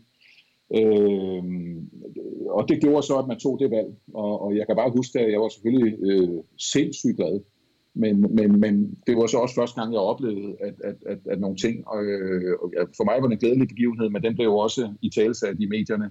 Mm. Der var det jo aviserne dengang, som var, der, der havde BT Ekstrabladet havde jo en halv million læsere, eller en halv million, der, der abonnerede eller havde købt aviserne. Så, så det der med pludselig slået op, at det var en, det var en, øh, en bombe, der sprang af alt muligt andet, det skulle, jeg, det, det skulle jeg sgu også lige vende mig til. For mig var det en glædelig begivenhed, og, og, og det var svært at læse om den i avisen som værende kontroversiel. Øh, det var sådan også første gang, jeg stødte ind i, hvad skal vi sige, øh, at, at, at, at nu var jeg jo pludselig genstandsområde for, ja, for klummer og kritisk journalistik og hvad vi har, eller bare sportsjournalistik i almindelighed. Mm. Det er jo fair nok at stille de spørgsmål, det var ikke det, men det skulle jeg også lige vende mig til. Men det er bare, jeg, jeg, jeg var uomtvisteligt et, et, et stort talent, det tror jeg ikke, øh, man kunne tage frem på det tidspunkt, og så var jeg tilfældigvis øh, det rigtige sted på det rigtige tidspunkt, øh, som gjorde, at, at den daværende A-landstræner Jørgen Gårdskær tænkte, det, det her slår vi skulle til. Det kan være en investering for, for, for fremtiden. Vi, vi tror, han kan holde til det, øh, og så videre. Og øh, ja, det var så baggrunden for, at jeg rejste med i 1976. Jeg nåede at have debut inden, og at, så rejste til OL i Montreal. Jeg kom så ikke på banen derovre, Øh, det var jeg jo godt klar over, det var jo stille udsigt, det nok ikke blev sådan, men, men holdet spillede helvede til. Og jeg, i dag tør jeg godt indrømme, at, at, at, at jeg var lidt skuffet over, at jeg ikke kom ind i nogle af de sidste kampe og, og bare fik lov at, at, at, at være lidt med. Altså, men, men det siger måske noget om den indre ild, der også brænder i mig. Øh, den passion, øh, som, som brænder i mig. Jeg er, ikke, jeg er ikke sådan en, der går rundt og siger, at jeg øh, brokker mig over, at jeg ikke kommer på banen og det, men inden i mig, der har jeg det sådan, jeg skal fandme nok vise, at man som 17-årig og så videre. Det, det, er jo, det er jo den drivkraft, jeg har haft. Ikke? Men det er jo, altså, øh, der er jo lidt, lidt, øh, lidt tale om det nu også øh, her for nylig med Mathilde Hylleberg, sådan noget det her med øh, unge spillere, der bliver udråbt som store talenter og har svært ved at klare det pres. Øh, altså der kan man sige, der tror jeg, der vil jeg i hvert fald godt våge at påstå, at der er nok ikke nogen, der har blevet udråbt og så tidligt, som du blev, og spillet både U-landskampe og A-landskampe på hjemmebane og sådan noget. Du har delt også fået spillet nogle håndboldkampe i den periode. Altså, ja. øhm, hvordan, øh, hvordan håndterede du egentlig det? Altså, det blev ikke til sådan, at det, du blev sådan påvirket af det på den måde? Nej, altså, utrolig stærk, øh, hvad skal vi sige, øh, ja, både en, en, en stærk familie, og jeg kom jo fra nogle utrolig trygge og spændende forhold ude i M31. Øh, jeg begyndte jo også på det tidspunkt, øh, jeg læste jo matematik og fysik på universitetet dengang, og der kunne jeg ikke få SU på grund af mine forældres indtjening. Det kunne jeg først, når jeg blev 21. Så fra jeg var de der ja, omkring 17 år, tror jeg, øh, der havde jeg lidt, øh, der var jeg blev, blev jeg lidt uh, træner ude i 30 også, men man var også ansat nede i, der havde den udviklet sig til en klub, der lå over på, havde klublokaler over på Njælsgade øh, på Islands Brygge, og der havde drev vi jo både øh, børneparkering og ungdomsklub og, og fritidsklub, og der var noget, nogle ældre øh, øh, folk, der kom og spillede lidt billiard, og der havde vi klubaften og alt den slags ting over, så så jeg var ligesom i et, i et altså jeg havde noget, jeg, jeg skulle sige til, jer, øh, min, min hverdag ellers ud over håndbolden, den var jo i nogle, nogle utrolig spændende og, og, og, og, og, og trygge øh, foreningsrammer, som jeg egentlig tror gjorde, at, at jeg havde den ballast, der skulle, der skulle til. Men, men jeg må da ærligt indrømme, at undervejs har det, og jeg har da stået i mange situationer, da jeg, da jeg senere også i 78 øh, øh, skulle agere øh, forsvarsspiller for i lang periode for, for Michael Berg, Altså, øh, og, og i det hele taget skulle agere på et hold, hvor du er den yngste, eller ude i Saga, når jeg, når jeg øh, når vi skulle spille kampe, dengang var der jo ikke en, en storbæltsbro, der sejlede vi over, og så skulle vi til Aarhus, og, og hvad gjorde kammeraterne derude øh, i, i, i Saga? Øh, de sørgede jo for, at, at øh, når de havde bestilt dagens ret på færgen, så kom der en Anders Ansalærten med tre øh, børnemader til mig. Ikke? Altså, så, så sådan, at jeg blev kaldt pusle i mange år. Men egentlig var det også en drivkraft for mig. Altså, jeg har jo altid haft den der indre glød, også da jeg spillede ude i Sega. Altså, jeg, jeg, jeg var sådan set ligeglad med, om jeg var 17 eller 18 år. Jeg, jeg ville ind og være en, jeg ville på banen. Jeg ville ind og være en afgørende spiller. Jeg ville ind og have lov at gøre nogle af de ting, for jeg elskede det. Altså, jeg elskede øh, at eksperimentere med, med, med, med, med de her forskellige ting. Så, så egentlig har jeg haft drivkraften, at jeg kommer fra en, men ballast i rygsækken fra nogle trygge miljøer. Når jeg kom deprimeret hjem fra en træning, jamen, så var jeg glad næste dag, når jeg stod nede i fritidsklubben, eller jeg skulle ind og, og på, på universitetet og læse, eller min familie, eller noget andet. Så, så, så stærke netværk, tror jeg, har egentlig har været, har været det, der har ja, været grundlaget for, at, at, at det ikke gik helt galt. Fordi som du selv nævner, så er der jo spillere, som, som for hvem det er gået helt galt, og som ikke kan få, det, få, det, få, få, få tingene til at hænge sammen, og det er gået for hurtigt, og, og der er egentlig andre ting, der, der, der, der spiller en stor rolle. Jeg har jo selv en søn, øh, Magnus der, som var en sindssygt dygtig spiller, øh, kom og spillede ind her i, i DHG, og, og var så i Kolding og blev dansk mester med, med, med, med Kolding øh, var på ungdomslandsholdet og sådan noget, en dygtig, dygtig spiller, men, men, men han, han har slet ikke haft den, den samme hvad skal vi sige, drivkraft, den samme stamina. Men for ham var det lige så vigtigt, at øh, med hans øh, netværk og gode kammerater, eller du kunne tage på Roskilde Festival, han, han kom hjem fra nogle af de lange samlinger, hvor de har været sammen i 14 dage og sagde, men far, de kan slet ikke snakke om andet end håndbold. Mm. Altså han er, meget, han er meget interesseret i andre kulturer, og der sidder godt hoved på ham og alt muligt andet. Så, så han er også et eksempel på en, som, som jo dybest set, øh, da det kom til stykket, var fejlkastet til, til en meget elitær øh, ting, fordi der var andre ting der i, i tilværelsen, der var vigtige for ham. Så jeg har også selv haft det inde på livet, at, at og jeg, derfor forstår jeg godt, øh, at, at det er sindssygt vigtigt, at, at, at man undervejs på den rejse, øh, som, som du beskriver det, og især når man ikke er mere end 17-18 år, at, at man virkelig gør sådan nogle, øh, og, og også med sine øh, forældre eller sit netværk eller sine kammerater for, for, for følge virkelig efter. Og det er sværere sagt end gjort, men, men det er vigtigt, man lige, at man undervejs stopper op og siger, er jeg nu på vej det rigtige sted hen, og så får sagt øh, ja eller nej i tide. Men den der vilje, du beskriver i dig selv, altså nu bliver jeg bare nysgerrig. Hvor kommer det fra? Var det sådan en vilje om, at du skulle præstere noget, eller eller var det glæden ved bolden, eller hvad, hvor, hvad, hvad, det, hvad, hvad var det for en drivkraft? Ja, det tror jeg, det tror jeg, Thomas, var sådan en, en, en blanding af tingene, fordi jeg har i rigtig, rigtig mange sammenhænge været den yngste. Også når vi legede på gaden og gården ude i, i Amager der. Det kunne indimellem være lidt... Øh, men nu, nu kommer jeg fra en familie, hvor min far var cheflæge, og, og min mor var oversygeplejerske, men han havde valgt, at vi skulle bo ganske vist i en stor lejlighed ude på Amager, men men, øh, men øh, der kunne man godt, øh, der kunne du godt rende ind i nogle øretæver, og der kunne du godt et eller andet. Men, men det var bare sådan, at, at, at på en eller anden måde fik vi, og det gjorde min søster også, manifesteret en eller anden position. Man tævede ikke, man tævede ikke overlægens søndag. Øh, og, og, og, og du lærer dig at være god til at navigere i det her, god til at støtte nogle kugler, eller planlægge noget, eller gøre nogle ting. Øh, så, så, så, så, så, så for mig har det altid, altså har det jo, øh, ja, det har været den her, jeg, jeg har altid haft nødvendig lyst til at, og, og være med til at udvikle nogle ting, og være med på, og især øh, i og omkring nogle hold. Altså det, at man, man går ind i nogle ting, et fællesskab, der gerne vil et eller andet. Sådan var det hele vejen igennem M31 med de her kammerater og, og så videre. Det udviklede sig. Og jeg har aldrig skiltet stort med, øh, at uha, jeg vil gerne være god, eller jeg vil gerne på et landshold. Jeg tror aldrig, jeg har i talsat, at jeg vil på et landshold nogensinde. Men hver gang jeg har som den yngste, og så har jeg haft den der lillebror-mentalitet, jeg skulle kraftedeme nok vise den. Fordi når de kiggede på mig, da jeg var, da jeg var ungdomsspiller, øh, der var jeg jo øh, teknisk utrolig øh, velbegavet med det her split vision og alle de her ting, men der var edderbank mig ikke meget kød på de her lange arme og ben. Mm. Øh, det kom jo først, da jeg skiftede og begyndte at vægttræne øh, ude i, i, i Saga med, med Jens Hansen, og nogle af de der Saga-spillere gik ind hos Svend Ole Thorsen. Jeg tog 10-12 kilo på i løbet af en sæson jo. Mm. Øh, og, og dermed ændrede min spillestil sig også, øh, nogen vil sige, til, til, til, til, til noget værre. Men, men, men som, ung, som ung spiller var det, var det, øh, var det på øh, en, en ekstremt øh, veludviklet teknik, blik for spillet, afleveringer bag om ryggen, rundt om det ene og det andet, og, og Radjemovicen blev opfundet også herhjemme, og alle de der ting, fordi jeg havde den der eksperimentelle tilgang til det. Jeg skulle fandme nok vise dem, der var ældre, at jeg godt kunne være med. Der var ikke nogen, der skulle sætte mig over en krog, og, og, og det har jeg været besjælet af altid, det her med, at en tro på, at, at vi sammen kan løfte nogle ting, eller få nogle idéer, eller på, på noget. Jeg er meget, meget optaget af nuet, så jeg har ikke sådan tænkt, jeg skal være landsholdsspiller, men, men i nuet, for fanden, hvis vores hold kunne gå hen og, og vinde øh, Københavnermesterskabet og så videre, og så videre. Den glæde ved, ved, ved, ved de ting, og den fremdrift, der var i det, eller vi kunne se, at holdet havde udviklet sig og så videre. Det har været en drivkraft, det, det må jeg sige. Nu prøvede jeg lige at afbryde dig, fordi det jeg faktisk også lige vil sige, det var, at du, en, en lille detalje er, at du har jo fødselsdag den 27. december. Så, ja. så, så hele den her øh, øh, snak, der også er om, øh, om årgange, og hvornår man er født på årgangene og alt sådan noget, det er jo, øh, og, og du er altid blevet kaldt for puslet, det, der ligger også noget der i at være den yngste i en årgang også, ikke? Jo, og det, det har du fuldstændig ret i, fordi det viser, og det er jo noget af det, Claus Hansen blandt andet har været inde og dokumentere, at, øh, og flere andre også forskere i øvrigt, som har været inde og kigge på, at det er især det første kvartal og de to første kvartaler af et år, det er spillere derfra, som, øh, som går øh, hele vejen, eller det meste af vejen.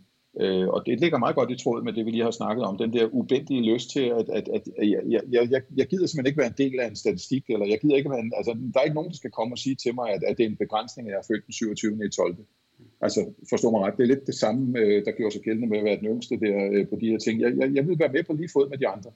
Også selvom jeg rykker op et år for tidligt, eller jeg kommer landsholdet. Jeg har tilpas ydmyghed, når jeg er der, og det er derfor, jeg kommer aldrig og det gjorde jeg aldrig skiltet med, at, at jeg skulle være god eller være på landsholdet. Jeg er meget ydmyg i sammenhæng, men inden i mig, der brænder der en ild. Hver eneste træningsteam, vi havde øh, med landsholdet, først med Gårdskær, men senere med, med, med Leif Mikkelsen, øh, der sugede jeg til mig. Jeg blev inspireret fra udlandet, jeg blev inspireret alle mulige steder fra, og ville bare gerne øh, øh, altså, øh, udvikle mig som spiller og blive dygtig og blive endnu dygtigere. Øh, sådan var det for mig. Og nu nævnte du det her VM i 1978. Vi skal ikke gå igennem alle kampene og sådan noget, men man kan, ja, det jeg bare vil sige, der oplevede du jo et VM på hjemmebane øh, som spiller. Ja. Og i 2019, der oplevede du jo så også et VM igen på hjemmebane på dansk grund som generalsekretær.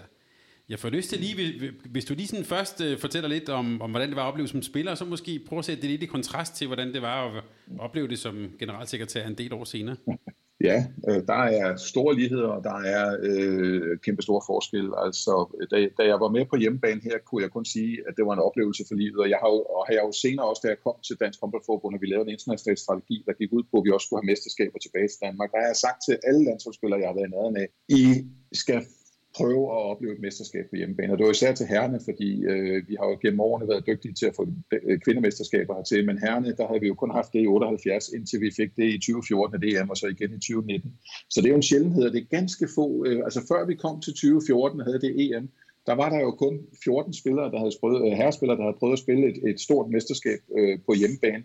Og, og, og det synes jeg simpelthen var for fattigt. Igen er vi lidt tilbage til det her med lillebror. Jeg, jeg, vil, jeg vil sørge mig også have, at, at Danmark øh, kom tilbage på banen, og det var nogle øh, mesterskaber. Det, det er der mange af os i forbund, der har, været, øh, der har brændt for.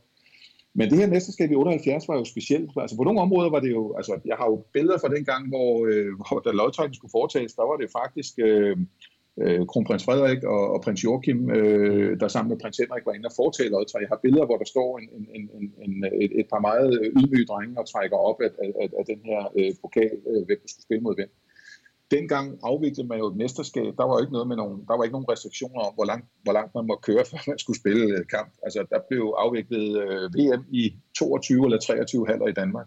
Og jeg mener, der var en enkelt kamp, der blev spillet på Bornholm også. Det siger jo lidt om tiden. Ja. For vores vedkommende blev vi jo, blev vi jo, blev vi jo installeret over i, øh, i, i Aarhus, og, og, og øh, altså, jeg må sige, det var vanvittigt at opleve den kæmpe interesse, der var for, for det her mesterskab. Når vi var ude og gå tur i Aarhus, eller var ude, altså, øh, og vi kom med bussen til hallen, og der var fyldte haller, og der var en stemning, der sagde på to, og der var live-transmission. Det var simpelthen det største af det største af den tid øh, at opleve det her. Det blev så desværre også øh, den, den første af en meget, meget lang øh, række af, af muligheder for at gå i en finale, øh, som, som jeg har været med til at misse. Øh, vi kom jo til at spille om bronze, og, og ligesom de senere tilfælde, jeg kom i, så tabte vi som end også bronzekampen. Så, så det var jo frygteligt, men oplevelsen herhjemme var enestående af sin tid, og vi spillede jo bronzekamp, og, og finalekamp blev også spillet ude i øh, Brøndbyhallen, som på det tidspunkt var nybygget og var state of the art. Altså, øh, så så øh, fuldstændig fyldt til, til bristepunktet, så enestående oplevelse.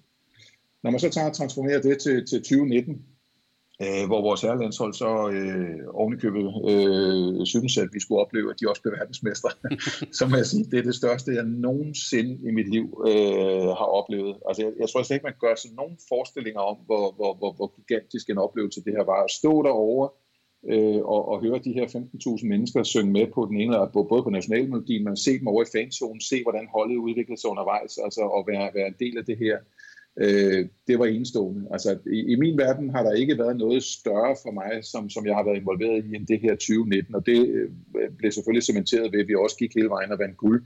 Men, men, men, men det fællesskab, den fællessang, øh, den reaktion, vi fik øh, hele vejen rundt, øh, var enestående, og, og, og, og når seertallet til en finale piker ved 3 millioner, så, så siger det jo så siger det jo noget om, om, om, om hvad, hvad det var for en, en, en fælles, øh, jeg skulle til at sige, psykose, vi var igennem der, øh, håndboldpsykose, vi var igennem der. Det, det, var, det var enestående, jeg er, ikke, jeg er ikke sikker, jeg har i hvert fald taget den ind som noget, jeg ikke muligvis ikke kommer til at opleve øh, endnu en gang. Det er lidt ligesom EM i fodbold øh, i 92.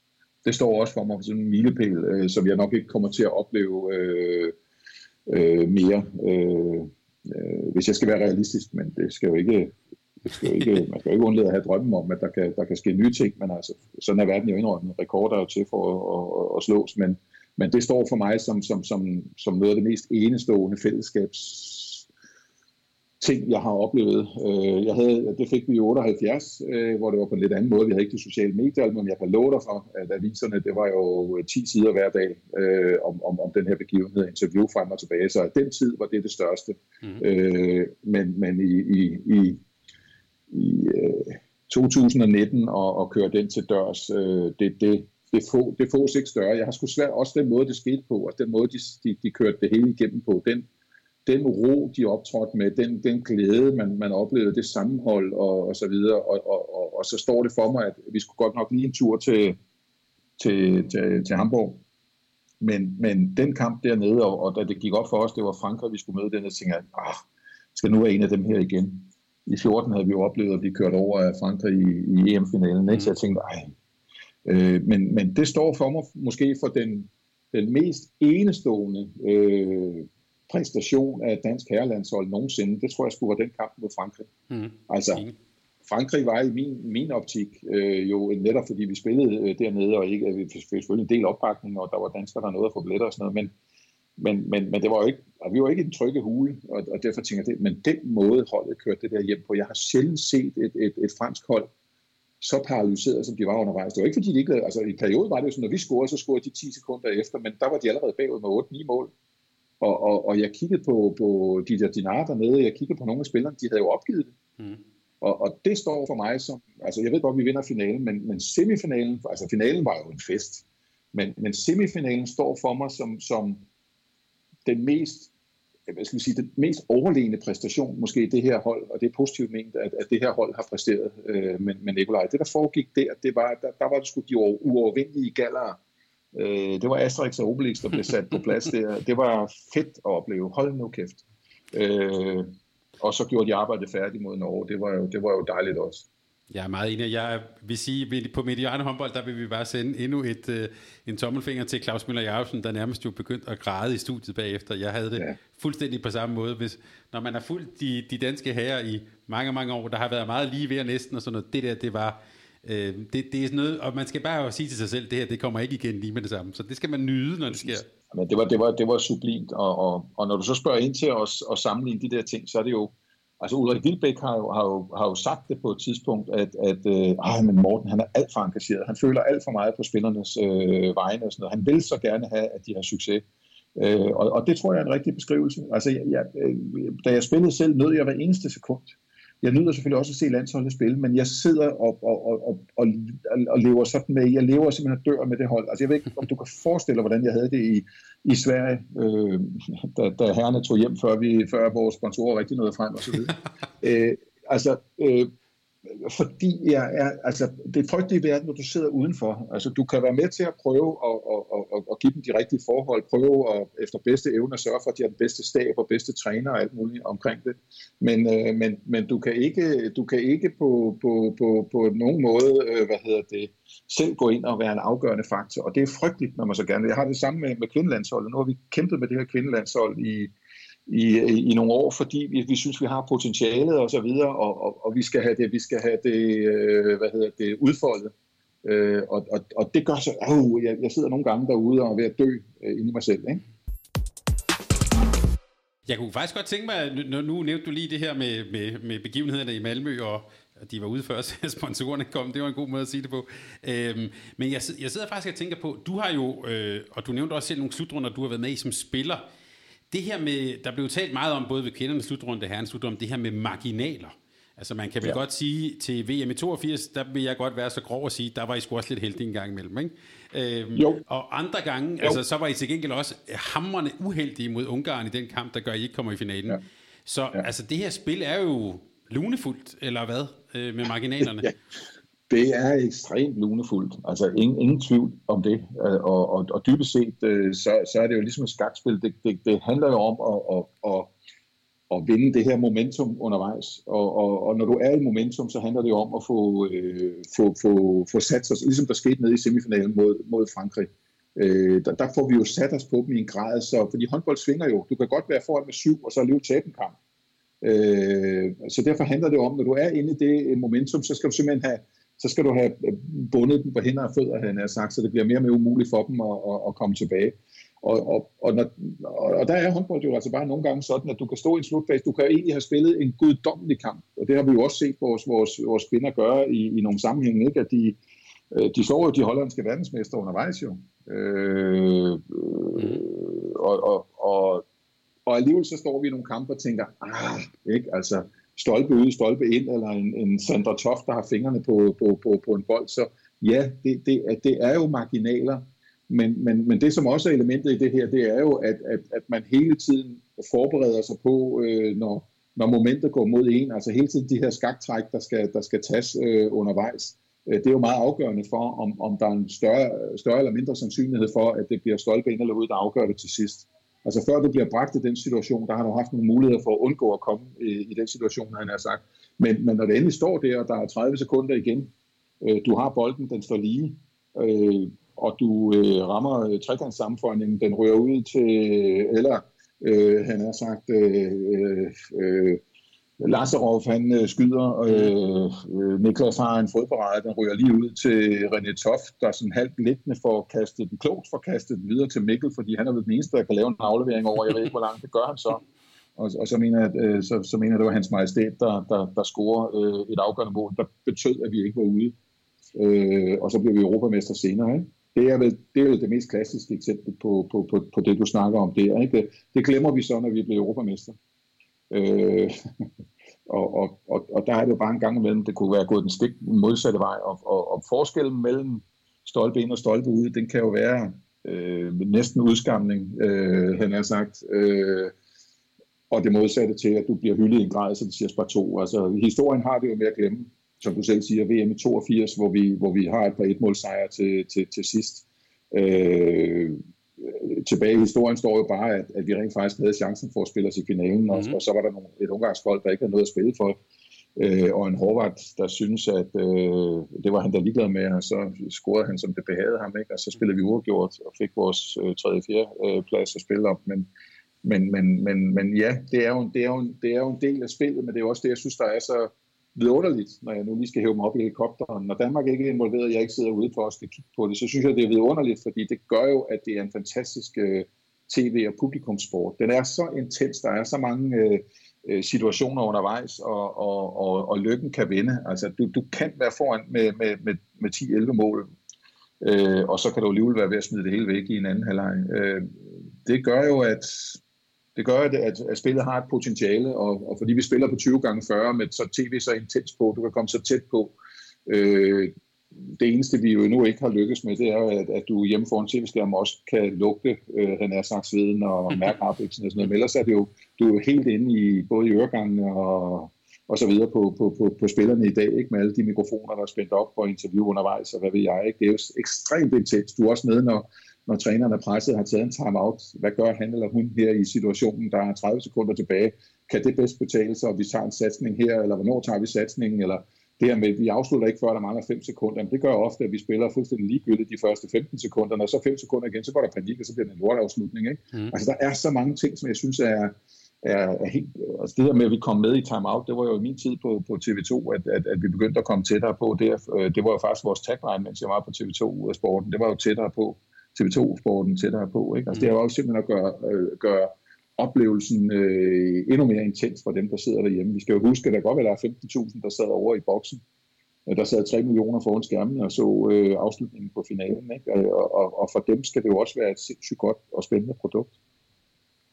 Men, men på den måde er håndbolden jo også, tænker jeg, en lille smule ubarmhjertig. Altså, øh, Øh, nu, nu, øh, nu hylder vi det, når det går rigtig, rigtig godt. Hvis vi nu tager Claus Bruns øh, kvindelandshold nu her, ham havde vi for nylig en samtale med. Altså, man kan vel på en måde godt sige, jamen de har holdt sig stabilt op i top 8, og, de havde, og så rammer jeg det med en Hansen en overlægger her, og så pludselig så er det ikke godt, og de kommer ikke til OL, og der kan være udtalelser fra Team Danmark og alt sådan noget. Altså det er jo meget, meget, jeg vil næsten sige, ja, ubarmhjertigt, øh, fordi hvis nogle af de ting var gået rigtig godt, så var de jo geniale, og alting var godt. Ja. Øhm, så, men, men du sidder jo også og skal bedømme, og øhm, altså, hvordan pokker gør man egentlig det? Det er heller ikke nogen nem sag. Øh, der er jo, øh, allerførst må jeg sige, så skal man forsøge at, at, at skille øh, alt for mange følelser ud af det her, når du, når du skal sidde og vurdere det her. Så skal du bruge rigtig mange parametre. Du skal snakke med rigtig mange, øh, om, om, om, som, har, som har betydning for, øh, landsholdene. Det gælder lige for Team Danmark. Vi har en sportschef, som, som jo har opgaven at, at, at, at få alt det her gennemført. Du skal snakke med alle de interessenter, der er omkring et landshold, for at finde ud af, tror, tror vi på det, der kommer videre her. Du skal snakke og evaluere med landstræneren, staben omkring det, assistenttræner og alle de her ting. Og når jeg siger, at man er nødt til at tage følelserne ud, så er det fordi, at øh, personligt øh, er jeg helt vild med, med, med Claus. Altså jeg holder rigtig, rigtig meget af Claus og synes, øh, han har fået, fjerde, eller fået flyttet nogle milepæle, også i kvindehåndbolden, da han sagde ja til at gå ind her. Jeg har haft rigtig mange gode øh, oplevelser, mange gode snakke med Claus. Men det, der er afgørende, det er, når man sidder og, og, og, og skal, skal kigge på de her ting, det er jo dybest set, fordi det, det kan jo næsten ikke blive andet. Du kan, du kan finde en masse evidens for det ene og det andet, men, men det bliver jo til sidst en trossag på, om, om det her virker. Og du er selvfølgelig nødt til at inddrage spillerne i det her også, fordi det er jo trods alt dem, der er de første, der skal tro på, at det projekt, øh, vi, vi arbejder videre med, om det bliver med den samme træner øh, yderligere to eller fire eller fem eller hvad år, eller om det bliver en helt ny. Øh, det er jo dem, der skal, øh, der skal præstere under det her, og gerne skal blomstre og lave resultaterne. Så, så under alle omstændigheder, så er det en ekstrem øh, vanskelig opgave, og det kræver også, at man har nogle meget øh, hvad skal vi sige, dybe samtaler med, med, med, med landstræneren selv, fordi øh, det er jo sådan den der afvejning af, øh, hvor, hvor, hvor, hvor meget vil man holde fast i, i taburetten, også som træner selv. Hvis jeg sad som landstræner, og, og, og jeg har været igennem nogle slutrunder, hvor jeg, hvor jeg egentlig føler, det kan være, at det var uheld, og det kan være, at det var alt muligt andet, men på et tidspunkt, så skal man jo også gøre op med sig selv om, øh, hmm, hvad skal jeg lave på, på et senere tidspunkt? Vil, vil endnu en, en, en nedtur eller manglende resultat, vil det gøre endnu mere skade på mine egne øh, karrieremuligheder videre? Hvornår skal jeg slippe det her, øh, i, i stedet for øh, at holde fast på noget? Det, den samtale skal man jo have med hinanden. Men det handler dybest set om, øh, tror alle interessenter, inklusive spillere og trænere og ledelse osv., øh, tror vi på, øh, på, på, at det her projekt skal køre videre. Og øh, det, det, var, det var ikke nogen sort-hvid øh, beslutning øh, med, med Claus. Så langt vil jeg da godt gå og sige, og vi havde mange gode snakker med Claus. Og jeg tror faktisk også, at Claus inderst inde var meget i tvivl. Og jeg tror også, han har været i tvivl undervejs, øh, fordi Claus er jo ikke sådan en type, øh, som, som har 10 års tålmodighed. Altså, Claus er jo en vindertype. Mm. Øh, kompromilløs vindertype, men, men meget mere følsom, end folk tror. Spændende, ekstremt spændende træner.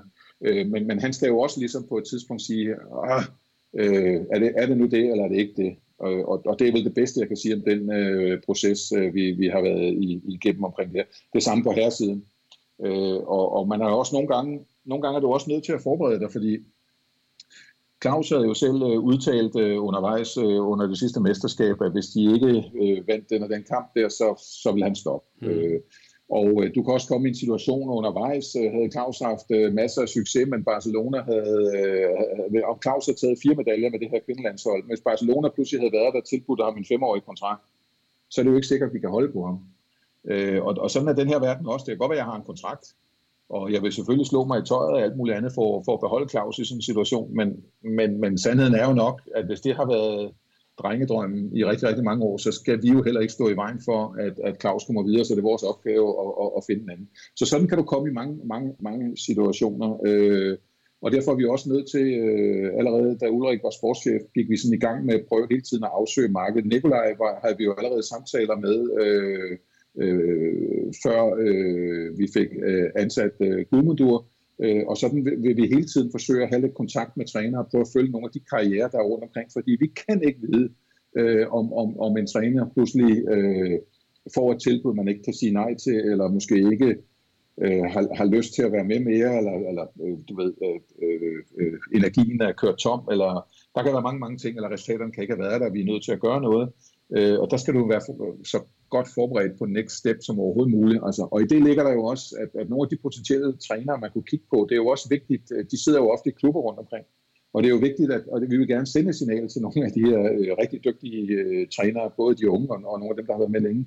Når de laver en kontrakt med en klub, enten i udlandet eller herhjemme, sørg nu for at have en eller anden form for klausul. Øh, fordi det, det gør det jo meget vanskeligere, hvis vi skal til at købe nogen ud af nogle kontrakter. Og nu har de senere år jo også vist, at, at øh, at vi har måttet sluge en kamel, fordi tidligere har vi jo haft et fast princip om, at, øh, at der må være landstræner, så må man landstræner.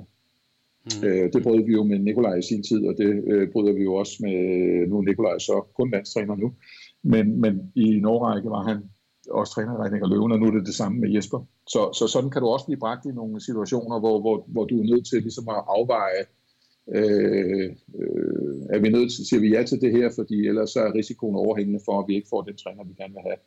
Og så kan der også være nogle fordele ved det. Øh, det har Jesper jo påpeget meget. Øh, det gjorde Jan Byglik faktisk også. Han blev jo ved med at tække og bede os om at få lov til at træne nogen ved siden af, fordi han synes, han gik og blev rusten, som han kaldte det. Mm. Så, så vi kender udmærket problematikken. Vi kender også problematikken ved, at øh, de potentielle øh, problemstillinger, der kan være ved en landstræner, selvom jeg synes øh, slet ikke, de holder, øh, når det kommer til stykket med det her med, øh, kan der være en forfordeling øh, med, af nogle spillere, eller har man bedre har man bedre udsigt til at få nogle spillere til den klub, man så også er klubtræner for. Og sådan noget. Men, men, men prøv at høre, det holder ikke i et gennemsigtigt samfund som det danske, så overhovedet ikke. Øh, men, men skidt med det. Det er i hvert fald nogle overvejelser, man skal gøre, så der er jo en årsag til, at vi ikke rigtig har ville øh, kombinere de to stillinger. Og så tror jeg også, og det, må, det tror jeg selv Nikolaj vil indrømme i dag. Øh, vi havde også den snak med Gudmundur i sin tid. Øh, folk, der bliver trænere for danske landshold, de får et chok over øh, hvad der ligger i det, udover at være træner. Altså hele mediepresset er helt vildt. Og det er jo dejligt, det er jo fordi, det er en populær idræt, men, men bare for at sige det, samtidig er vi jo ekstremt professionelle med den måde, vi arbejder med vores sponsorer på, så rigtig meget tid går jo også med, at, at der skal tages billeder, eller laves reklamefilm, eller der skal laves andre ting med vores sponsorer, øh, altså med A-landsholdet og så videre. Øh, og det betyder jo, at hvis du har syv dage til, eller seks dage til rådighed i en træningslejr, hvis to af dem går, den ene går til mediedag, og den anden går til sponsordag, så er det jo ting, der bliver taget væk fra den forberedelse, den træning. Så sådan er der nogle balancer hele tiden, der skal, der skal gå op i en højere enhed, og der er jo trænere, der har forskellige holdninger til det. Men, men når vi har en træner inde, øh, som landstræner, så indebærer det job meget mere end det at, at, at gennemføre nogle træningslejre og, og, og være på bænken under et mesterskab. Der er talentudvikling, der er følgespillerne, der er hele arbejdet i forhold til, til mediesiden, der er hele øh, arbejdet ind i forhold til forbundet, der er øh, arbejdet i forhold til alle klubber, hvor, hvor den her klubkontakt, fordi det daglige arbejde, det bliver lavet ude i klubberne, øh, og, og kæmpe ros øh, til, til, til det, der foregår i, i de her klubber, men det er jo meget, meget vigtigt, at vi, at vi taler sammen om, om hvordan vi lige arbejder med, med, med, med, med de forskellige ting. Øh, øh og det, øh, det er vigtigt at forstå, at, at på den måde er det jo et, et, et job, der kræver ekstremt meget, og, og, og, og nogle af de trænere, vi har haft, Gudmundur inklusiv, bliver jo ekstremt overrasket. Altså Gudmundur havde meget, meget svært ved at forstå, også selv når man havde vandt medaljer osv., at man ikke kun fik medløb i medierne. Mm. Og øh, der er jo nogle ting, som, som er forskellige fra kultur til kultur. Han har været nede i Tyskland, og vi snakkede også før, at han, han blev ansat øh, om, at, at han skulle vide, at der var et stort mediepres, men jeg tror alligevel, det kom fuldstændig bag på ham, øh, hvor massivt det var, og, øh, og, og han kunne slet ikke forstå nogle af de historier, eller nogle af de spørgsmål, der blev stillet, eller efter en, efter en kamp, når han var i studiet, hvordan man, vi har lige vundet den kamp, og så står de og snakker om problemstillinger, hvorfor vi ikke løste det bedre, osv. Og, og, og det, skal, det, det er man nødt til at forstå, øh, at, at, at det er et helt ekstremt udsat sæde, man sætter sig i. Det kunne jeg faktisk godt tænke mig, at vi lige, vi, vi lige fast i. Du har jo også, øh, øh, som vi nævnte i indledningen, været kan man sige, om på mediedelen på, øh, på TV2. Men du har, så du har jo egentlig oplevet hele den her overgang, vi er helt tilbage fra 78 og, øh, og, og frem til nu. Jeg har hørt nogle tidligere spillere, som også var med omkring bolsjedrengen og sådan noget, sige, at de egentlig oplevede medierne som ret venlige, og nogle gange måske næsten også for venlige. Altså, her taler vi om årene sådan 6-87, hvor man er omkring noget B- og C-VM og sådan noget. Der var jo nogle journalister, der rejste med jer, og jo på alle måder også håbede, at det gik jer rigtig godt, fordi det var også i virkeligheden godt for, for dem, og de var sådan set også ret glade for jer, til at du fortæller om Gudmundur, der oplevede sådan, uh, medierne og medietrykket som sådan næsten unødvendigt kritisk. Er det også dit billede? Ja. Har det ændret sig meget over de år? Øh, det har i hvert fald ændret sig, og øh, jeg, jeg kan jo give et lille eksempel fra min egen tid, da jeg, da jeg spillede både i Saga, men også øh, senere i Gladsaxe HG.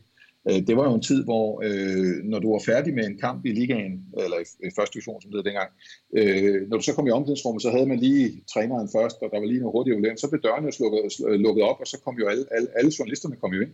Mm. Og, og sad i omklædningsrummet, og sad og lavede interview med, og gik rundt og snakkede, og var, var en del af det. Så ja, der var en eller anden, øh, hvad skal vi sige, øh, der var en eller anden symbiose øh, mellem, øh, mellem øh, de aktive og, og, og så det, men det betyder ikke, at man ikke, jeg har sørger mig godt nok gennem årene også fået nogle slag ude i medierne, men det var på en helt anden måde. Det var for det første i aviserne, øh, og, og for det andet var der ikke hele det her, øh, de her sociale platformer, som giver et endnu større tryk, hvor alle mennesker, almindelige mennesker kan komme til at udtrykke sig. Det var der slet ikke dengang.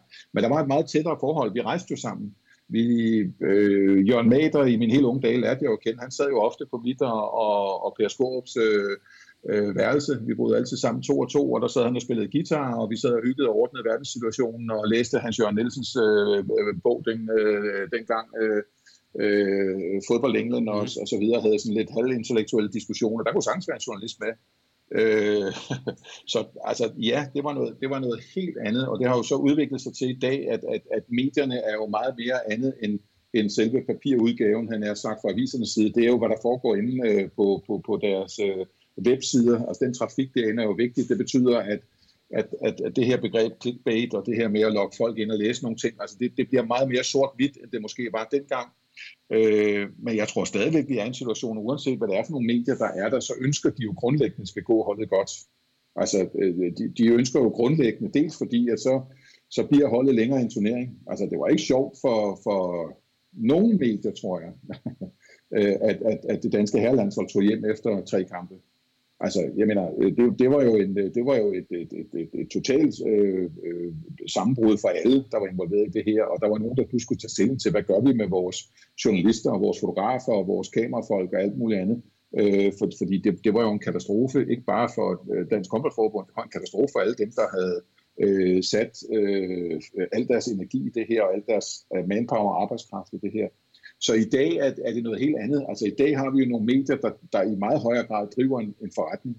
Øh, og, og, og nogle medier, som, øh, og, det, og det synes jeg sådan set er, er positivt også, at vi har nogle medier i dag, der også på sportsjournalistsiden øh, er, blevet, øh, er, er blevet mere kritiske i den forstand, at du også laver noget, noget øh, graverjournalistik der. Altså jeg, jeg kan jo tage i, i den periode, selv var på TV2, hvor, hvor, hvor vi, jeg vil jo sige, at det for alvor tog fart med Festina-skandalen øh, i Tour de France. Der begyndte vi jo også selv at lave et program, øh, øh, øh, hvor, hvor der var, fik Frederik Lausen ansat dengang, så, og han skulle bare gå til den. Altså det var, det var forholdsordren til ham. Og vi begyndte også på TV2, selvom vi jo havde nogle rettigheder så videre, begyndte vi også at angribe det meget mere kritisk. Og, og så havde vi nogle DR-journalister, med Olav Skåning i, i, i spidsen, jo, som gik jo ind og, og, og, og virkelig øh, gravede ned i, i, i nogle tilstande i sporten, som der trængtes til at blive gravet i. Og det gør der fortsat. Øh, så jo, jeg vil, jeg vil egentlig sige, at der hvor jeg sådan for alvor, øh, jeg husker det i hvert fald som, som, som et, et, et vendepunkt, det var hele Festina-skandalen øh, under Tour de France, som vi jo også havde på TV2, hvor jeg selv sad som studievært. Og, og det var virkelig en, øh, det var en, det var en, det var en, øh, det var en game changer, også for os på TV2, som jo egentlig havde slået os op på at lave øh, øh meget, meget, hvad skal vi sige, øh, øh, lave sport med hjertet. Øh, øh, virkelig den her begejstring ind i det, og få tættere på, øh, på idrætsudøverne, tættere på det hele, og hvad vil jeg, lave nogle fantastisk spændende udsendelser.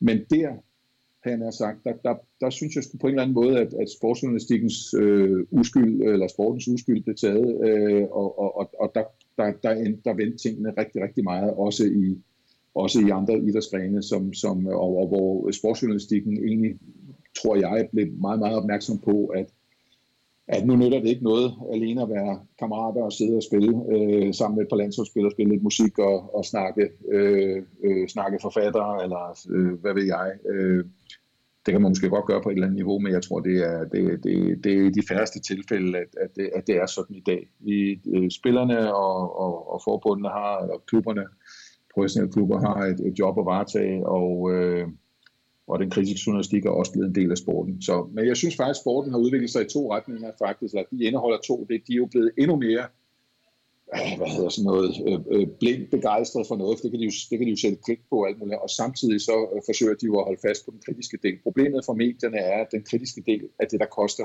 flest penge i forhold til, hvor mange øh, minutter eller hvor mange øh, artikler de kan få ud af det.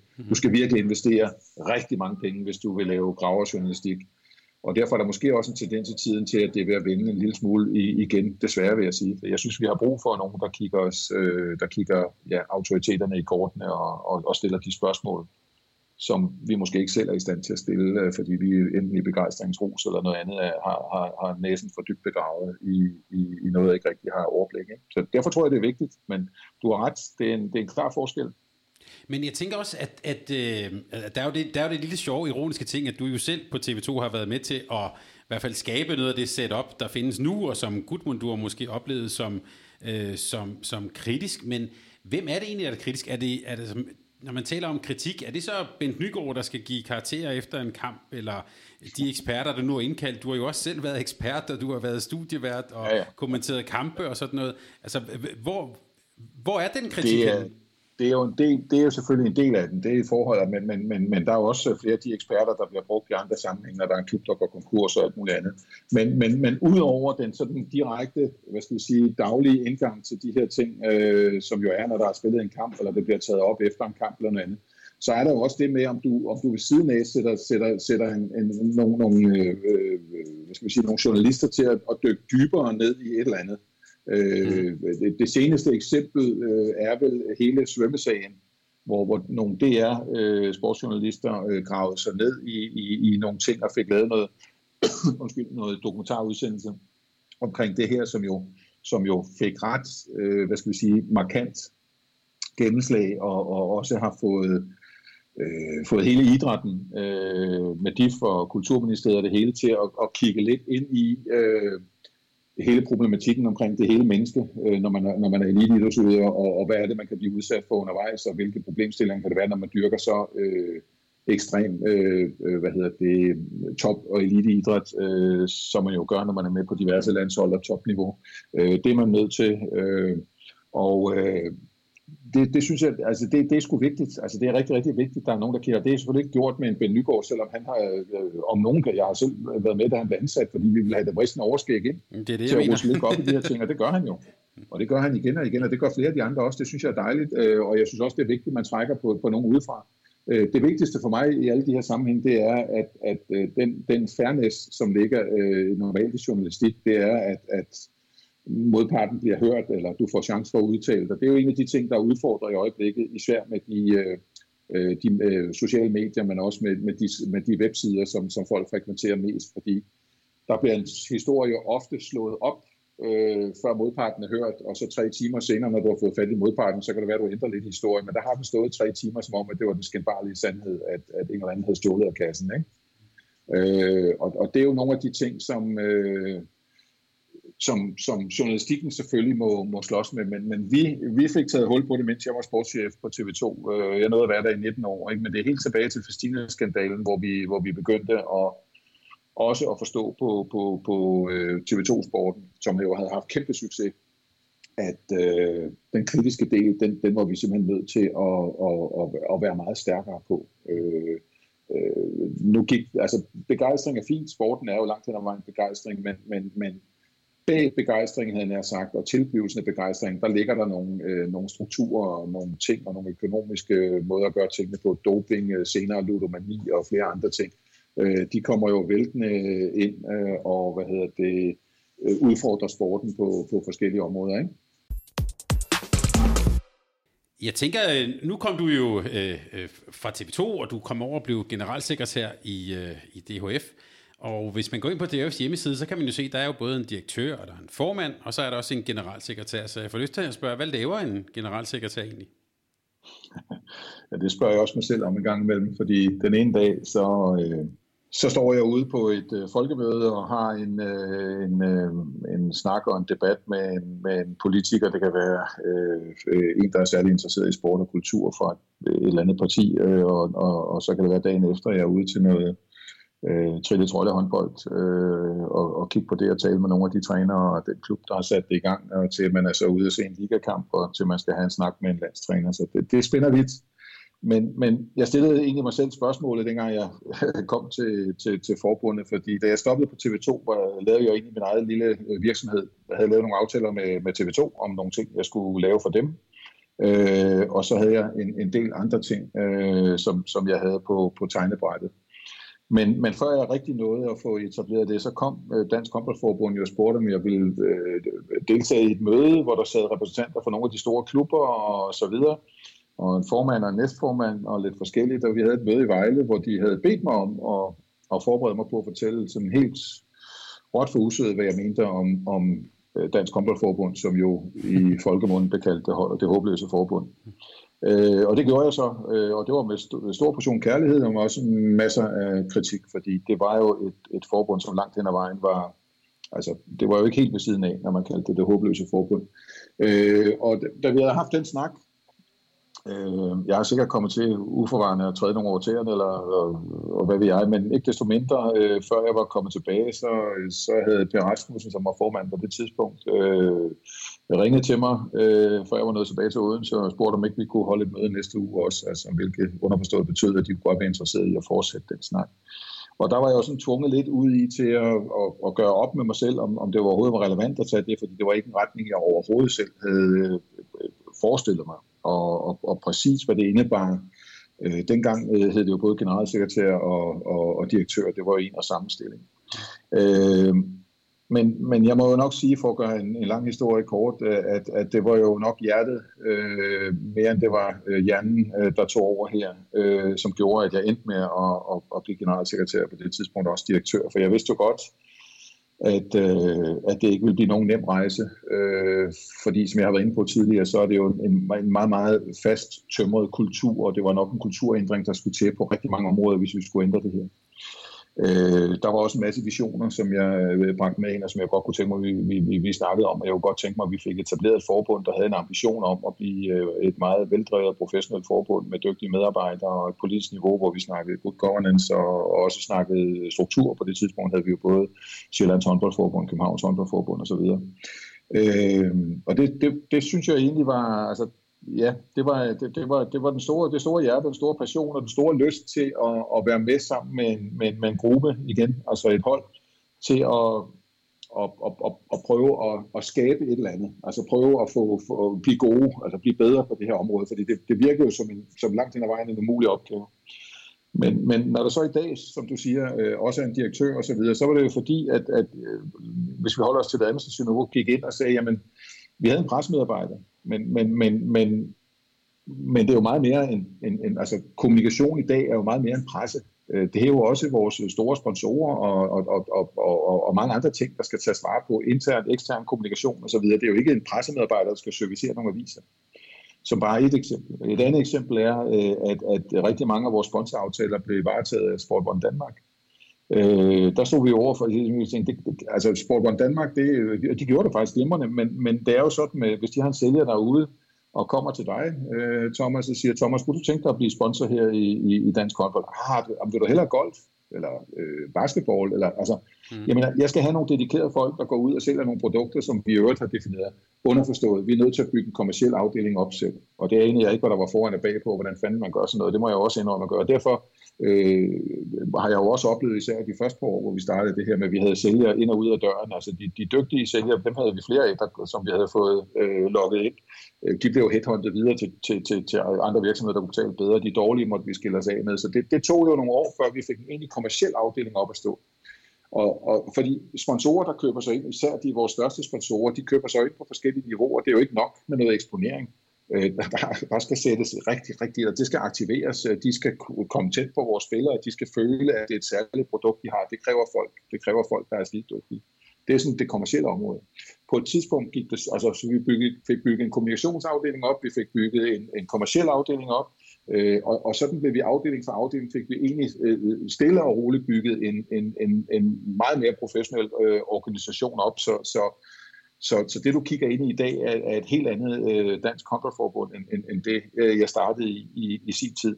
Og det har så også krævet nogle, nogle ændringer, blandt andet det, at, at jeg fik øh, Henrik Jacobsen, der var direktør op i, i Aarhus, øh, som jeg havde haft øh, meget godt samarbejde med, øh, fordi han sad i divisionsforeningens bestyrelse, og vi har sammen lavet nogle aftaler om, hvad, hvad, hvad, hvad ligaen, hvad klubberne egentlig har ret til, for eksempel Final Four, og det var jo ejet af Dansk Håndboldforbund tidligere, og der lavede vi nogle handler frem og tilbage, fordi øh, vi jo i Dansk Håndboldforbund troede på, at, at, at hvis de folk, der skal drive øh, øh pokalturneringer, altså Final Four og så videre, øh, det, det skal jo også være nogen, der har nogle aktier i det og, og gerne vil udvikle det og så videre, så det er ikke øh, så, så en pokalfinale ikke er det samme som en pokalfinale for 10 år siden og så videre. Sådan har tingene udviklet sig. Så Henrik og jeg havde egentlig en, en, en snak om, om det her kunne være spændende. Det, det tog jeg så en beslutning om på et tidspunkt, og så blev Henrik øh, direktør, så vi havde en egentlig direktion. Og vi deler så opgaverne lidt og har nogle forskellige afdelinger under os. Øh, og det hænger også sammen med, at, at, at, at jeg langt hen ad vejen jo også har, som, som generalsekretær, har jeg jo et meget udadvendt arbejde, som jeg har nævnt lidt også med, i, i forhold til DIF, DGI, Team Danmark, altså hele det, det, det politiske setup, det med at bringe håndbolden tilbage øh, som, som en sport, som, som alle andre interessenter, DGI, DIF, øh, Team Danmark, tager seriøst, fordi vi er skide professionelle, og, og det er nogle dygtige øh, medarbejdere. Så, så, så jeg har gennem de øh, 12 år, tror jeg det efterhånden det er, jeg har været der, øh, haft meget, meget fokus på at, at, at, at få, få samlet et hold.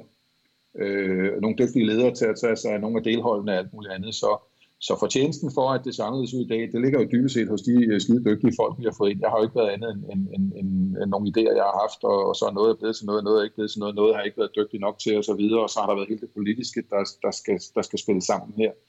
Men, men jeg tror i hvert fald godt påstå, at, at det er et helt andet forbund, som, som øh, agerer og, og arbejder helt øh, anderledes og professionelt. Og jeg tror også, jeg godt kan sige, at i dag er der meget, meget længere mellem øh, de såkaldte håbløse øh, sager det kan jo ikke undgås, at vi laver fejl. Altså, mm. Ligesom skattevæsenet og andre institutioner, så øh, når der er et eller andet, der er en eller anden dommer, der har dømt et eller andet tvivlsomt på et eller andet tidspunkt, så er det jo ofte DHF's skyld, ikke? Altså, mere eller mindre. Det er jo os, der bliver spurgt ind til. Altså, det, det skal vi jo bare vide.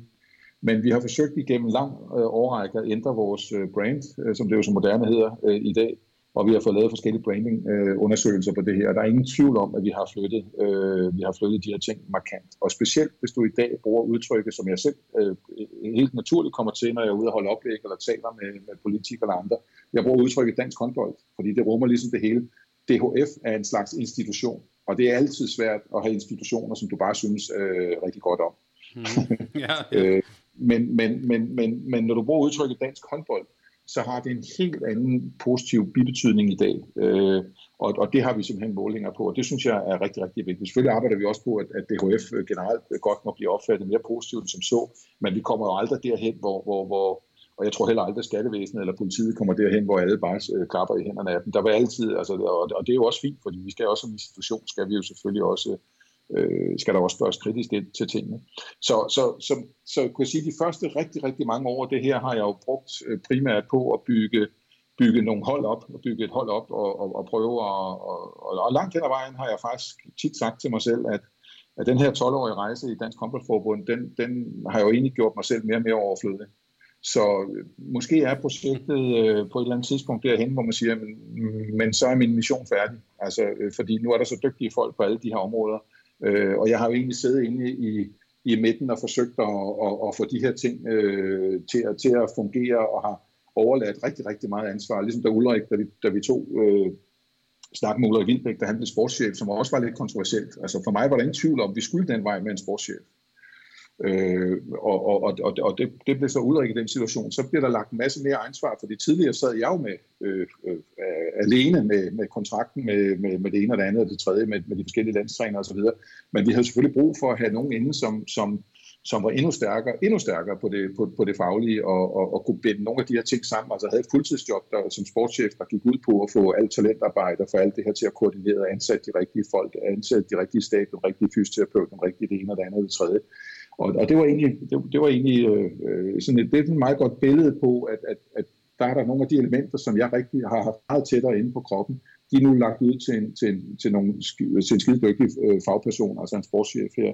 Og sådan er der andre områder, det kommercielle, øh, det, det, det kommunikationsmæssige osv., så, så, så min opgave er jo mm, er i højere og højere grad over de sidste par år jo gået i retning af, af mere og mere derudadvendte, mere og mere øh, og, og, og skulle repræsentere øh, DHF øh, med, med de visioner og med de værdier og med de ting, øh, vi har i forhold til kommuner, øh, i forhold til, til landspolitikere, i forhold til altså hele brandingen af håndbolden, i forhold til Team Danmark, DIF, DIF, DGI, alle de her debatter og diskussioner, øh, hvor jeg gerne vil have, at håndbolden bliver taget ekstremt øh, seriøst, når det, når det handler om forhold til universitet og forskning og sådan noget, er noget af, af den vej, jeg, jeg de sidste par år øh, har taget.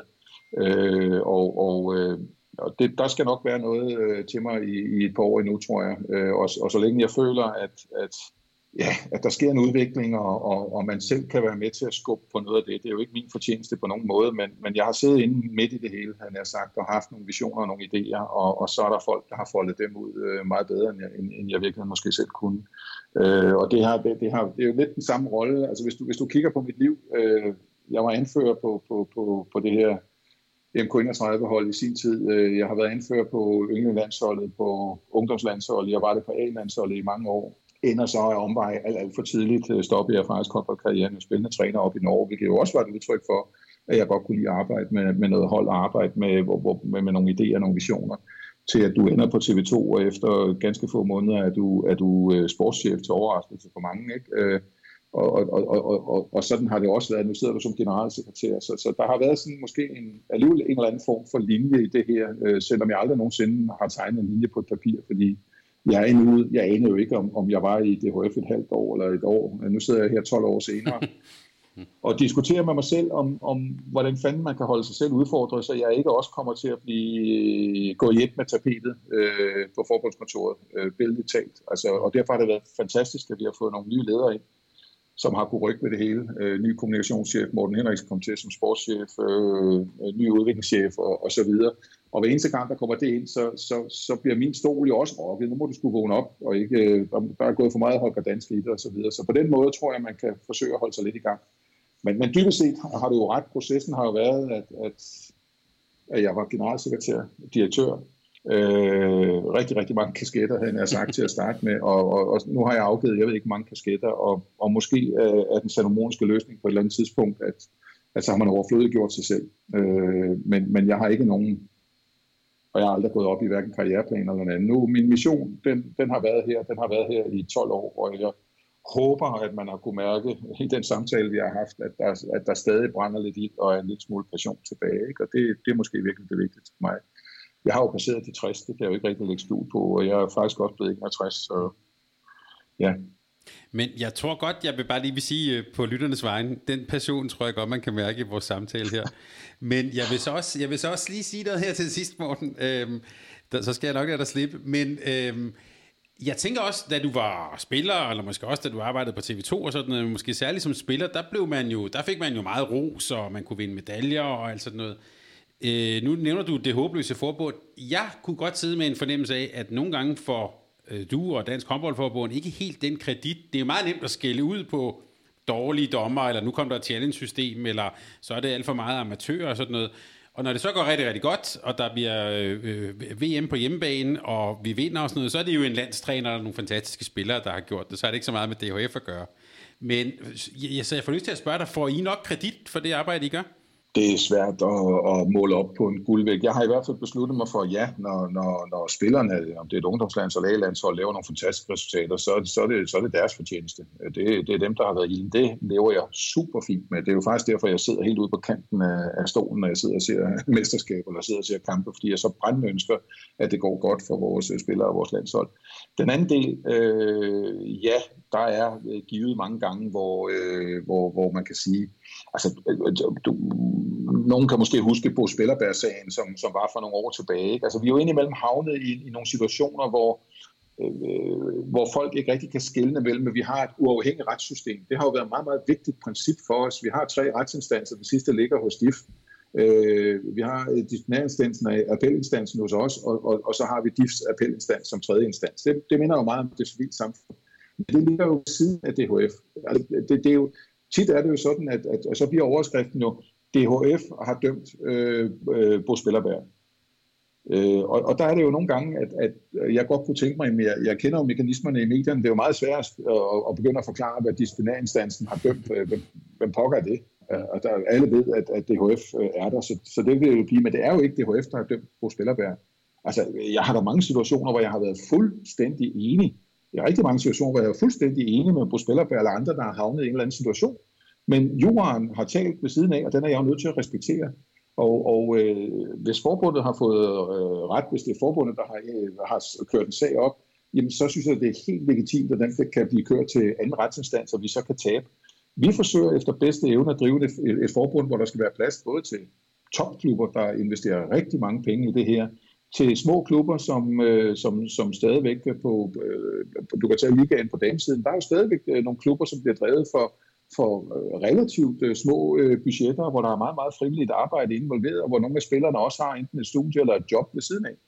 Øh, og, og, og, og det skal man jo, altså det er jo klart, vi, vi kan ikke gøre, altså jeg er også noget dertil, vi kan ikke gøre alle tilfredse. Men, men jeg må da også indrømme en gang imellem, så sidder man og siger, ah, det var godt nok lidt let kritik. Og så er der andre gange, og det skal vi jo blive ved med at holde fast på, lige meget hvor ærgerlige vi er over et eller andet, så skal vi jo også sige, men det er godt, der nogle gange er nogen, der minder os om, at træerne ikke vokser ind i himlen, og det her kunne vi godt have grebet anderledes an. Altså nogle gange, så skal vi lige sætte os tilbage og sige, hmm, det det var da sindssygt irriterende, at de begyndte at, at, at kritisere os for det og det og det. Men nogle gange, når man lige har, har lænet sig lidt tilbage eller kommet lidt på afstand af det, så må man sige, det var sgu relevant nok, fordi det var et område, vi måske ikke lige var, var rigtig stærk på, eller havde forberedt os på kunne opstå. Og, og så lever vi i en lille andedam, så det, det, er jo et, det er jo et af vores største problemer. Altså, det er jo helt vildt, øh, hvor mange, der på forskellige niveauer har lyst til at udtale sig har holdninger til alt muligt andet. Det er jo fantastisk, det er også det, vi lever af. Men det er jo helt vildt, øh, hvor, hvor, hvor, hvor let vi egentlig kan holde på i forbundet. Altså eksempelvis, hvis vi skal have en, en ny landstræner, og skal han snakke med det ene eller det andet. Altså, der er jo grene af, at, af vores forbund, som er, som er hullet som siger, der, vi kender jo stadigvæk hinanden så godt rundt omkring. så jeg kan jo blive helt forskrækket. Altså, da, da, da Ulrik, eller man giver et lille eksempel, da Ulrik trak sig, øh, som, øh, som, som, som sportschef i, i sin tid, og, og, og et før, før egentlig aftalen, øh, fordi vi havde, vi havde et udløb øh, et stykke tid før, øh, fordi han gik jo efter borgmesterposten, og det kunne vi ikke rigtig kombinere. Men, men han gik jo så i utid på grund af, af, af alt, alt, alt, alt det mediehalløj, der var omkring øh, øh, Gudmundur, da han skulle stoppe. Og øh, det ringer Ulrik til mig en, en meget sen eftermiddag, øh, hvor vi har bestyrelsesmøde, og siger til mig, Morten, det er sådan, så han starter med at sige, du skal ikke forsøge at overtale mig til noget andet. altså, han kender mig. øh, og, og, og, og, så bliver det det, og så siger han, så, vi bliver nødt til at mødes, Ulrik. Øh, og så aftaler vi næste morgen klokken 9 på et hotel i Odense, så vi ligesom kunne aftale, hvad gør vi, og hvad gør vi kommunikativt. Jeg orienterer min formand, og øh, så øh, siger jeg ikke noget på bestyrelsesmødet der om aftenen, for jeg tænker, det, det, det må de skulle få at vide, men min formand skal lige vide det, og, og, og så tager jeg det møde med Ulrik. Da jeg klokken 9 om morgenen, er, er på, eller lidt før 9, er på vej ud til, til hotellet, Scandic Hotel derude i Odense her, så bliver jeg ringet op af en god ven på TV2, der siger, jeg synes lige, jeg vil fortælle dig, at om to minutter, så breaker vi, at Ulrik stopper som sportschef. Så, så jo, øh, det, det er også et miljø, der er, der er svært og nogle gange at navigere i kommunikationsmæssigt, fordi øh, øh, det er jo meget tillidsbordet. Øh, der har frivillige politikere, der er frivillige alt muligt andet. Ulrik har nogen, han gerne vil orientere alt muligt andet. Men, men, men, men, men, men, men der er så mange relationer til medier, til presse og til man fortæller videre osv. Så, videre. så nogle gange kan det være meget, meget vanskeligt at håndtere situationer lige så, øh, hvad skal man sige, øh, lukket kommunikationsmæssigt, indtil man har noget at meddele, som man kan i nogle store virksomheder, hvor alt er hermetisk lukket. Altså, der er jo ikke de samme relationer mellem en topdirektør for Mærsk, øh, hvor alle erhvervsjournalister de kommer og går i omklædningsrummet, han er sagt, så hænger det jo ikke sammen. Og der har vi bare en anden verden. Der har vi jo stadigvæk forenings, øh, hvad hedder det, øh, der har vi jo stadig hele foreningslivet og hele den her frivillige tilgang til, til, til, til tingene, og, og, og det tror jeg også, vi skal værne om. Men det betyder også bare, at der omkring kommunikation og sådan noget en gang imellem, øh, øh, skal vi sige, kan det være svært for os at holde på noget, til vi egentlig har noget at melde ud. Altså, da, da, da, da, da Claus Brun stopper, der skal, vi jo, der skal vi jo finde en ny træner. Altså, jeg mener, det, det kan vi jo vi kan jo ikke melde noget ud dagen efter, fordi det betyder jo, at vi havde taget en beslutning, før vi snakkede med Claus. Altså, bare lige for at give et, et, række, øh, et rækkefølge af det her. Så selvfølgelig er vi nødt til øh, en gang imellem at acceptere, at at vi kan ikke køre alt lige så strømlignet øh, som en stor privat øh, virksomhed, fordi vi, vi, vi har så mange interessenter i det her, øh, og der er så mange interesser, og der er så mange, der kender hinanden på kryds og tværs, også af trænere og, og, og, og, og direktører i klubber og, og hvad vi er, frivillige ledere. Så. Men vi bestræber os på, og vi har klare planer for, hvordan vi skal prøve at håndtere det her, men, men nogle gange bliver vi overhalet af, af, af virkeligheden. Og hvad var det til pressemødet, da Jesper Jensen blev offentliggjort i Kolding? Der nævnte du et eller andet om nogle krypterede e-mails. Det forstod jeg i hvert fald ikke helt. Hvad gik det ud på? Ja, var det ikke Morten Henriksen? Ja, var det Morten Henriksen, der nævnte det? Jamen, jeg, jeg sad bare og tænkte, hvad er det, hvad er det de snakker om? Ja, jeg, tror, jeg tror mere, at det er fordi, at, at, at øh, rigtig, rigtig, rigtig mange øh, af de her, øh, altså noget kommunikation foregår jo på WhatsApp og andre steder. Altså, fordi du er jo nødt til at have nogle kanaler, hvor, hvor nogle gange og det er det jo i det her miljø. Altså, det er det jo også i klubmiljøet. Hvis en, hvis en spiller skal til en ny klub, så ønsker man jo ikke, at, at det kommer ud, før man øh, har fået meddelelse til det, man gerne vil meddele til den klub, man kommer fra, eller kontrakten er skrevet under for den sags skyld. Ikke? Altså på den ene side er der en interesse for medierne om at breake nogle ting. Øh, det ved vi jo godt. Øh, men omvendt har vi jo også en gang med en interesse i, at, at vi vil egentlig gerne vælge noget ud, når vi, når vi er på plads. Øh, fordi nogle gange kan ting kuldsejle, hvis, hvis øh, kommunikationen ikke foregår i den rigtige øh, rækkefølge eller på den rigtige måde, så er der, så er der nogle ting, der kan kuldsejle, øh, for, for, for, øh, fordi det var for tidligt, nogle informationer kom ud, og så bliver der lukket nogle døre rundt omkring og sådan noget. Det, det, men, men det er jo et vilkår. Altså, øh, her hjemme. Altså, det er vi jo nødt til at prøve at navigere i. Altså, det, sådan, sådan er det jo. Men, øh, men det gør bare, at det er, det er ikke, øh, det er ikke sådan snorlige, at, at, at, at tingene altid kan blive gjort. Så derfor kan det godt være, at man er nødt til at gå på WhatsApp, eller man er nødt til øh, at, at, at, at mødes til potentielle øh, forhandlinger med øh, kandidater til, til en eller anden post, øh, om ikke med kæk og blå briller, så, så måske nogle steder, hvor der ikke er så stor chance for, at, at vi møder nogen, der kender os eller kender vedkommende. Morten, du skal have tusind tak for din tid her. Øhm, det var hyggeligt. Det har været en rigtig god og også lidt lang samtale, men sådan går det, når man er i godt selskab. Så det skal du have mange tak for. Og jeg får simpelthen også, også, Jeg, skal simpelthen, jeg får simpelthen også lyst til, uden det skal blive for Rørstrøms, men til lige at sige dig kæmpe tak også for dit enorme engagement i håndboldsporten. Helt, vi har været helt tilbage til MK31, og nu her som generalsekretær i DHF.